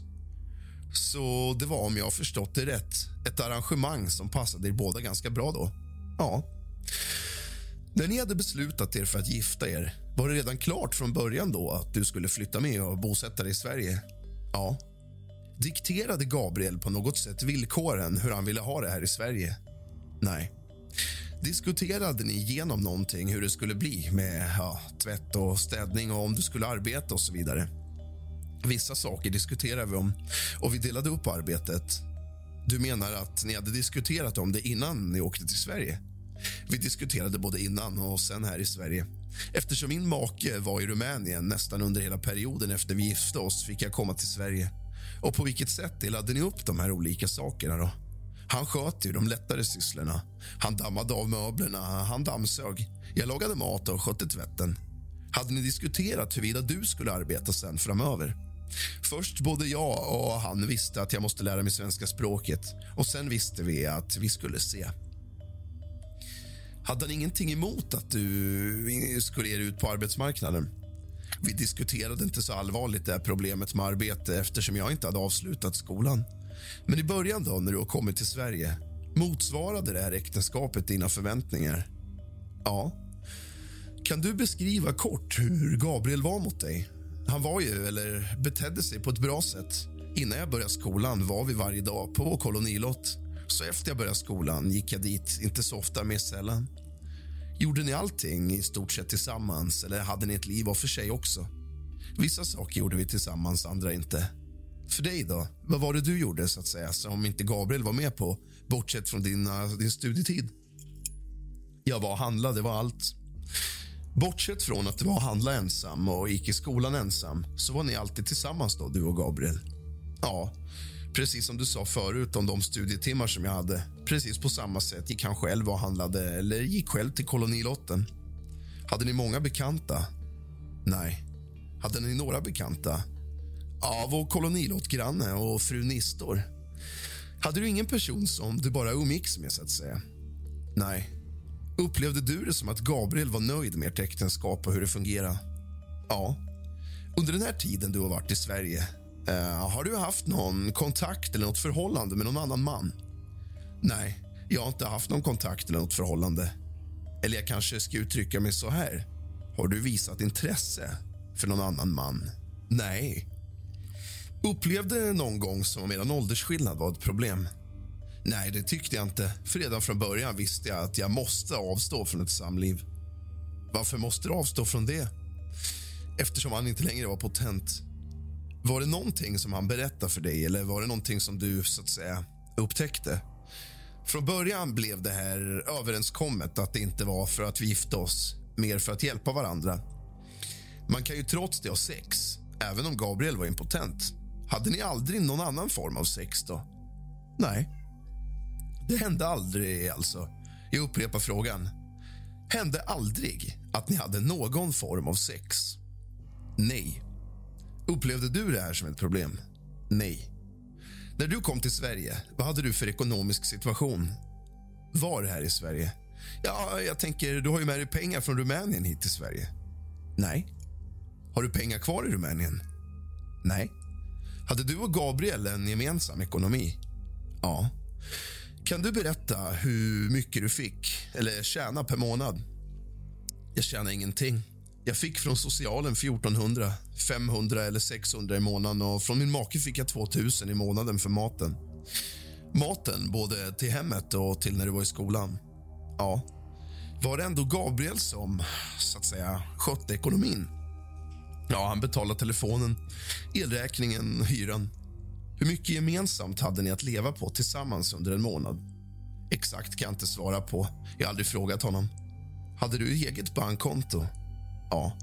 Hade du ett eller har du fler och i vilken bank? Jag har ett konto på Postbanken där jag har 200 kronor och ett på enskilda Skandinaviska banken. Där hade jag 3 700. Där har jag det mesta. Varför hade du två konton? Därför att från det där kontot, vilket jag hade 3 och 7, skickade jag 3 000 till min dotter någon gång i mitten av november. Vad var anledningen till att du skickade pengar? Eftersom hon behövde det för reparationer på bilen. Uh, har du skickat pengar vid andra tillfällen? Min make skickade pengar tre gånger från hans konto. Vad var anledningen till det? För att hjälpa henne? Har hon problem med eh, ekonomin i Rumänien? Nej, men levnadsstandarden är mycket låg i Rumänien och några pengar, några extra pengar är ändå nödvändiga. Hade Gabriel några synpunkter på att han fick skicka hem pengar? Nej. Känner du till om Gabriel hade några sparade pengar? Jag känner till, men vet inte hur mycket. När, du fick, när fick du reda på att han har sparade pengar? Jag kände till att han hade pengar redan innan vi gifte oss. Har du någon uppfattning om hur mycket det kunde röra sig om? Jag vet inte exakt. Men ni var ändå gifta. Frågade aldrig honom hur mycket pengar det var. Han tyckte inte om att jag ställde frågor om pengarna. När du åkte till skolan, hur åkte du dit? Alltså, vilket transportmedel? Med buss 165 till Liljeholmen. Där bytte jag till tunnelbana och åkte till Mariatorget. Åkte du samma väg hem också? Ja. Hände det ibland att du åkte en annan väg? Ja, att jag bytte tunnelbana vid Slussen. Det är de alternativen du använder dig av. Ja. Vi ska börja prata om den här tidpunkten när Gabriel försvann. Som hjälp då så kommer jag ge dig en almanacka för den här perioden. Jag har gjort själv en egen almanacka och noterat vissa saker. Du kan ändå ha den här. Och vad jag förstår har du berättat tidigare så åkte du och Gabriel iväg för att köpa en lägenhet. När uppstod de här diskussionerna om intresset för att köpa en lägenhet? Vi diskuterade under längre tid, men på grund av nya lagar som skulle gälla från januari 99 bestämde han sig för att använda pengarna redan i december. Uppfattar jag dig rätt nu att han måste ha gjort köpet innan årsskiftet? Att till och med före helgen. Det var därför han åkte den 30 november. Var det så att han var tvungen att göra köpet eller var det bara så att han var tvungen att ta ut pengarna innan årsskiftet? Han måste köpa bostaden innan. Han vill inte ha pengar hemma. Hur hade han fått nys om lägenheten han skulle köpa?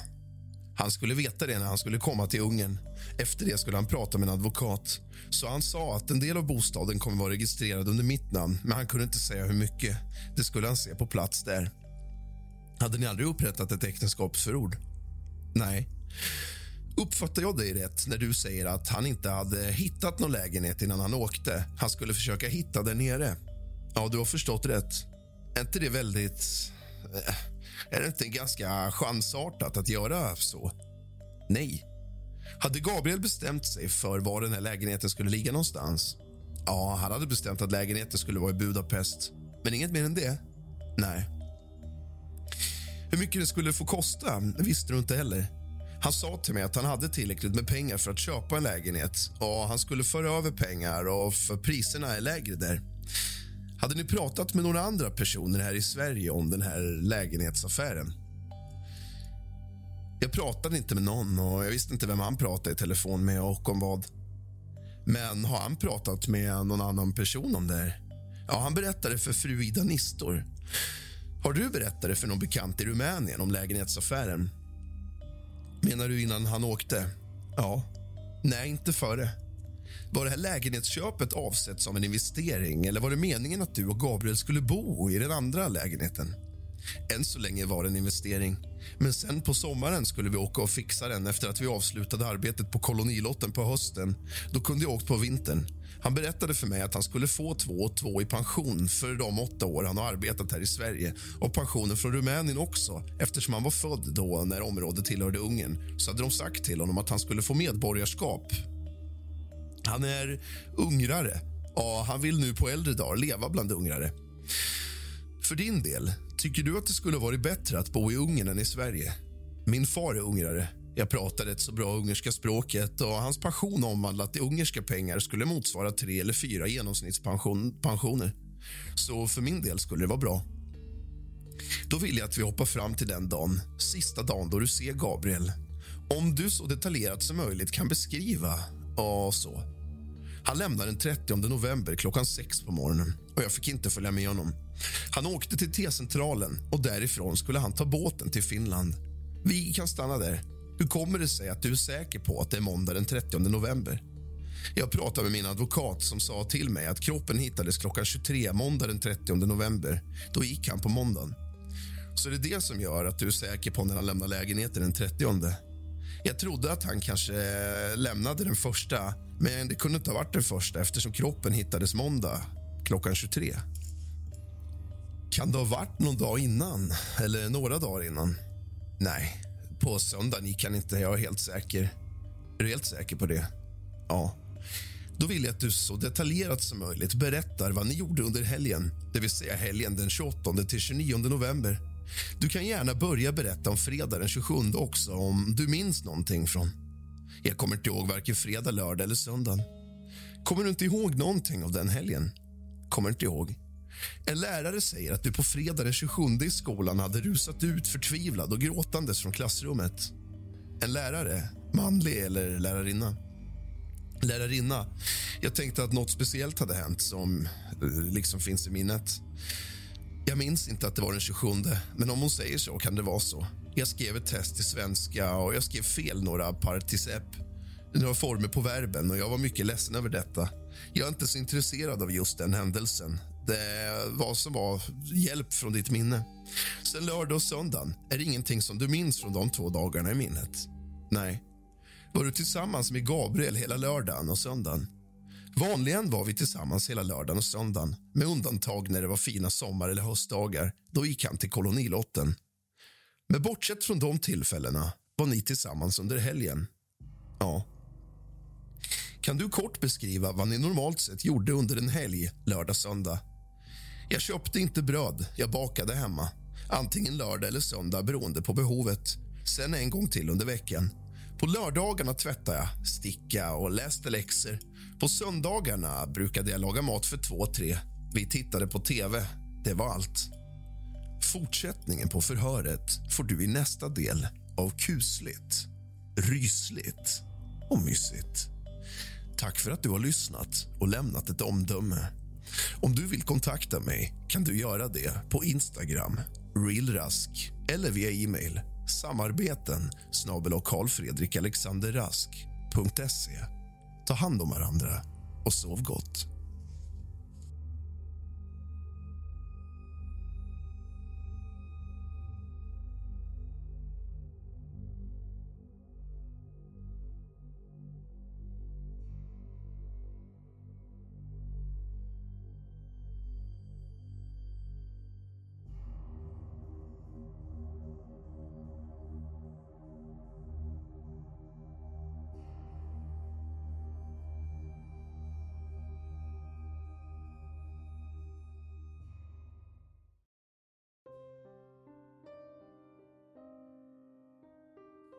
30 november 1998 upptäckte flera personer något som visade sig vara likdelar i vattnet vid Södermälarstrand i centrala Stockholm. Fallet väckte stor uppmärksamhet och inom en vecka påträffades ytterligare kroppsdelar bland annat ett huvud med olika typer av skador och tecken på att ha blivit upphettat. Polisen lät göra och publicera en avtecknad bild av huvudet som egentligen var ett fotografi som man hade retuscherat lite grann. Fantombilden igenkändes bland annat av en son till Gabriel Kirsch och med hjälp av tandröntgenbilder kunde huvudet identifieras. Misstankarna riktades snabbt mot Gabriel Kirschs hustru Maria Kirsch som lämnat landet och husrannsakan och noggrann teknisk undersökning genomfördes av makarna Kirschs lägenhet i Bandhagen i södra Stockholm. Lägenheten var minutiöst rengjord med vissa fynd av hårstrån och DNA som kunde göras i köksugnen. Maria Kirsch greps senare och häktades misstänkt för mord.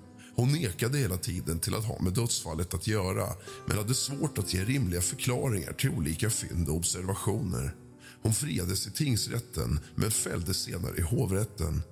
Hovrätten fann att den sammantagna bilden talade för att den 81-åriga Gabriel Kirsch mördats av Maria Kirsch. Den tekniska undersökningen av parets lägenhet talade starkt för att både mordet och styckningen hade skett där och att styckningen hade sexualsadistiska inslag. Det var också klart att hans huvud utsatts för värmepåverkan. Hovrätten bedömde att det är ytterst sannolikt att mannen av en slump skulle råkat ut för en rånmördare som dessutom styckat kroppen på ett sexualsadistiskt sätt. Den 29 november 2000 dömdes Svea hovrätt Kirsch till livstidsfängelse och utvisning för mord. Hon överfördes efter fyra år till rumänskt fängelse där hon efter totalt 11 år i fängelse släpptes fri 2011. Gabriel Kirsch föddes i Rumänien 1917 och kom så småningom till Sverige. Han var gift, men blev enkling 1993. 1997 var han på tillfälligt besök i Rumänien och träffade den då 44-åriga Maria som följde med Gabriel till Sverige, där de inom kort gifte sig. Styckmordet på Gabriel Kirsch var ett styckmord som ägde rum i Stockholm i november 1998. Gabriel Kirsch var vid sin död 81 år gammal. Hans hustru Maria Kirsch, född 1953 i Timisoara i Rumänien dömdes år 2000 till livstidsfängelse för mordet och släpptes som sagt 2011. I kommande delar ska vi grotta ner oss i förundersökningen. Vad hände egentligen? Och varför?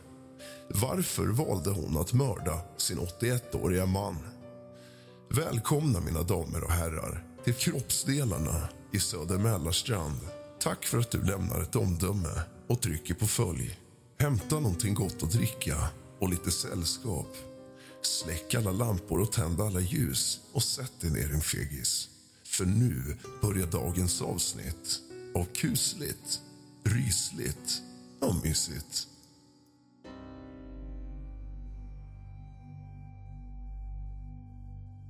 Och med hem, då menar du Timisoara? Ja. Vilket datum var det? Med detsamma efter nyår. Jag vet inte exakt, men jag tror det var omkring den 5 januari. Som jag förstått det rätt stannade du hos din ex, ex-maken då, från den 16 december till 5 januari. Ja. Vad gjorde du för ansträngningar för att hitta Gabriel? Gabriel kände till min före detta makes adress, hans telefonnummer och han kunde kontakta mig där. Satt du där och väntade på att Gabriel eventuellt skulle höra av sig då? Både för detta och för att jag var tvungen att stanna där. Jag hade ingen nyckel, så jag var sjuk dessutom. Jag vill backa lite. Den 14 december, innan du åkte till Ungern har du pratat med någon om att du ska resa till Ungern? Nej. Hur kommer det sig att du inte pratade med lärarna i skolan om att du skulle åka? Jag ansåg att det inte var nödvändigt. Jag har aldrig varit frånvarande, inte ens en dag. Lärarna har ju sagt att de upplevde dig som oerhört ambitiös och duktig utan någon frånvaro alls. Ja, därför är det ju, tyckte de, det var anmärkningsvärt att du helt plötsligt försvann sju dagar innan terminen tog slut. Ja, det är så. Men har du någon förklaring till det här? Jag ansåg inte att det var nödvändigt att meddela skolan att jag kommer resa. Ja, men du måste ha insett att det var en självklarhet att tala om att du skulle åka iväg sju dagar innan terminen tog slut. Det var bara fem kursdagar och jag tänkte att det inte var så mycket. Du tog ju med dig ganska mycket bagage till Ungern. Vad var anledningen till det? Vi behövde inte så mycket saker. Jag tänkte ge bort dem som gåva till dottern, till killen hon bor tillsammans med och till min far. Här vill jag inom parentes säga en sak. Då vill jag gå tillbaka i tiden. 1996 på hösten. Hans brorson som bor i Logers var på besök här i Sverige hos min make. Och när han åkte härifrån tog han med mycket bagage, med sig mycket mer än vad jag hade. Det var också saker som jag, min make inte behövde. Men i det här fallet så hade du inte pratat med Gabriel om de sakerna du tog med dig. Vi pratade för länge sedan om en eventuell resa för min del till Rumänien. Och sakerna som vi inte behövde visste jag på ett ungefär vilka det var. När fick du kontakt med din dotter första gången? Efter att eh, du anlänt till Ungern alltså. Med detsamma när jag kom tillbaka hem efter nyår. Så du har inte pratat med Adriana innan? Nej. Du visste bara att hon skulle finnas där då? Ja, det var vad jag trodde att hon skulle vara hemma. Tänkte om. Jag tänkte höra med dig, Maria. Jag skulle vilja att du beskriver Gabriel mer som person. Vad hade han för sidor, bra som dåliga? Han var en trevlig person, mycket noggrann. Om han lovade någonting höll han sitt ord. Och jag vet inte, Det här kan jag anse som en negativ sida. Han tyckte om att sköta pengar, hushåll och pengarna själva. Han var ju snäll mot mig. Jag fick till och med vissa små gåvor, parfym och kräm. Jag vet inte på vilket område ska jag beskriva. Alltså, han kunde köpa parfym och krämer till dig. Ja, med posten fick vi hem en katalog från Yves Rocher. Jag fick välja själv och han betalade via posten. Så det var alltså sånt som ni kunde skicka efter. Var det vanligt förekommande att du fick skicka efter sånt? Jag behövde inte göra det så ofta. Okej, så att när du går och handlar dig någonting och unnar dig, fick du göra det för Gabriel? Ja, eftersom socialbidraget var mina pengar. Har du och Gabriel någon gång bråkat eller grälat med varann? Nej. Har eh, Gabriel någon gång blivit arg på dig? Eller har du någon gång blivit arg på Gabriel? Nej. Jag ska visa dig en broschyr, Maria. Vet du vad det här är för broschyr? Ja, från skolans bibliotek. Från skolans bibliotek, ja. Men eh, jag har inte haft tid att översätta den. Du har inte haft tid att översätta det? Nej. Är det någon som har gett den här till dig eller är det något du bara plockar själv från skolans bibliotek? Det var på en hylla på biblioteket och jag tog flera stycken. Det var inte bara den här. Jag tog ju, det fanns andra om några parker. Så du vet egentligen inte vad, vad du tog för broschyrer? Är det det du vill säga? Nej, jag har inte översatt det. Har du försökt läsa vad det står i dem? Jag har inte haft tid. Inte än, men jag är nyfiken. Vad är det för broschyr? Du har inte läst den här broschyren? Nej. Det här är en broschyr som alltså handlar om våld mot kvinnor. Ja, jag visste inte om det. Och Sen finns det då vissa telefonnummer man kan ringa till om man behöver hjälp. Det är bara av en händelse. Jag tyckte om rosen. Okej, okay, jag har inte några fler frågor. Advokat? Nej. Om vi går vidare till köket. Du har tidigare blivit informerad om att vi har anträffat Gabriels hårstrån inne i ugnen. Du känner även till att Gabriels huvud har varit utsatt för värmepåverkan. Den 24, sista gången vi var i domstolen, hörde jag för första gången att huvudet har avlägsnats vilket påverkade mig starkt. Och Det var då jag förstod att huvudet hade utsatts för värmekälla. Kan du ge någon förklaring till varför det har anträffats hårstrån av Gabriel inne i ugnen? Nej, jag vet inte. Jag skulle vilja visa dig en sak. Jag visar dig nu en liten stålsåg. Känner du igen den här? Nej, något sånt har jag inte sett hemma hos mig. Är du helt säker? Ja. Enligt uppgifter vi har fått har det funnits en sån här identisk en sån här såg i köket. Vi har inte återfunnit den i lägenheten alls. Jag har aldrig sett eh, det här, aldrig sett något liknande. Dessutom sa har man i preliminära tekniska undersökningar sannolikt använt just den här typen av såg när man sågat itu kotpelarna på Gabriel. Jag vet ingenting. Därför tycker jag det här är en såg som Gabriel ibland använde till att såga itu karébitar med, påstår du. Påstår jag. Jag vet inte, jag har inte sett. Eller rättare sagt, påstår inte. Det är uppgifter från andra. Jag har varit med honom i hemmet och jag har aldrig sett honom skära kotletter med något liknande. Jag är tvungen att ställa den här frågan på grund av det du är misstänkt för. Det är helt enkelt... Har du någon kunskap överhuvudtaget om hur man styckar människor eller djur? I mitt liv har jag inte ens slaktat en kyckling. Till och med sniglar eller i trädgården har jag kastat istället för att döda. Om jag ser blod mår jag illa. När min dotter var tio år fick hon en glasbit i foten och vi var hos doktorn och skulle ta ut den och jag blev kritvit och nästan svimmade. Du har alltså ingen kunskap om det här som jag frågat dig om? Nej. När jag var hemma hade vi kaniner och jag åt inte kaninkött av våra kaniner som vi hade haft när de slaktades. 1983 blev du dömd i Rumänien enligt uppgift för olaga gränsöverträdelse. Det enda jag undrar, vad handlar det om? Jag var tillsammans med min före detta make och dotter till i Ungern och vi skulle åka vidare till Österrike och lyckades inte. Men jag har inte suttit inne. När fick du reda på att eh, Gabriel var död och var borta?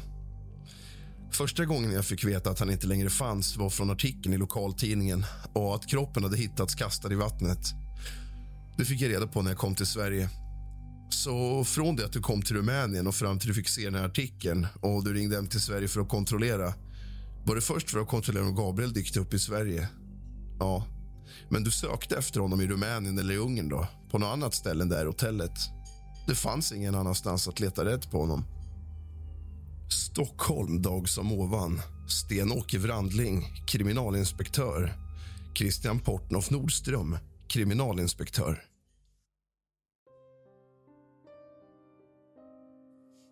Gabriel Kirsch hittades styckad i 14 paket som fiskades upp. I ett av dessa paket låg hans könsorgan, pungen och en del av främre bukregionen omsorgsfullt förpackat. Ett av de sista paketen innehöll den griljerade skallen. Totalt hittade man 17 skador på bålen och huvudet. Det var underhudsblödningar i båda ansiktshalvor, i halsen och svalget och i bröstkorgen, skulderbladen och ryggens båda sidor. Och I anslutning till ändtarmsöppning hittade man omfattande slemhinnebristningar och blödningar. Dessa ska ha orsakats av trubbigt våld och intrång av trubbigt föremål. Och Det slogs fast att dessa skador uppstod medan offret fortfarande levde de flesta en halvtimme, ungefär 20 minuter innan döden inträffade. Man genomförde en rättspsykiatrisk utredning på Maria som visade att hon begått gärningarna under tiden som hon var påverkad av en allvarlig psykisk störning.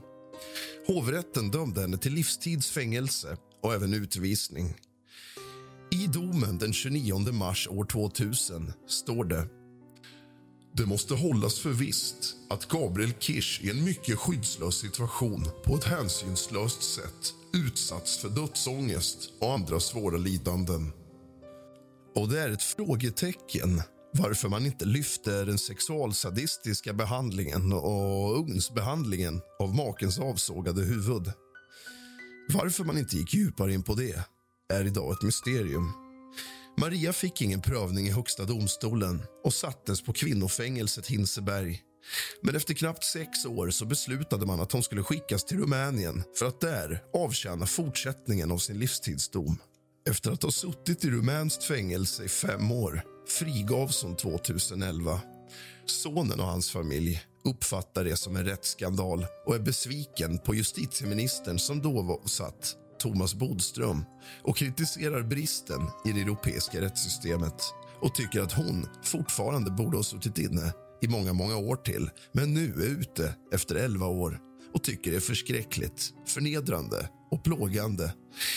Hans mördade, styckade pappa. Och hon är ute idag igen. Du har lyssnat på pojkvänsmordet. Du har lyssnat på styck... Du har lyssnat på styckmordet i Stockholm. En följetong av kusligt, rysligt och mysigt. Tack för att du trycker på följ och lämnar ett omdöme. Sov gott.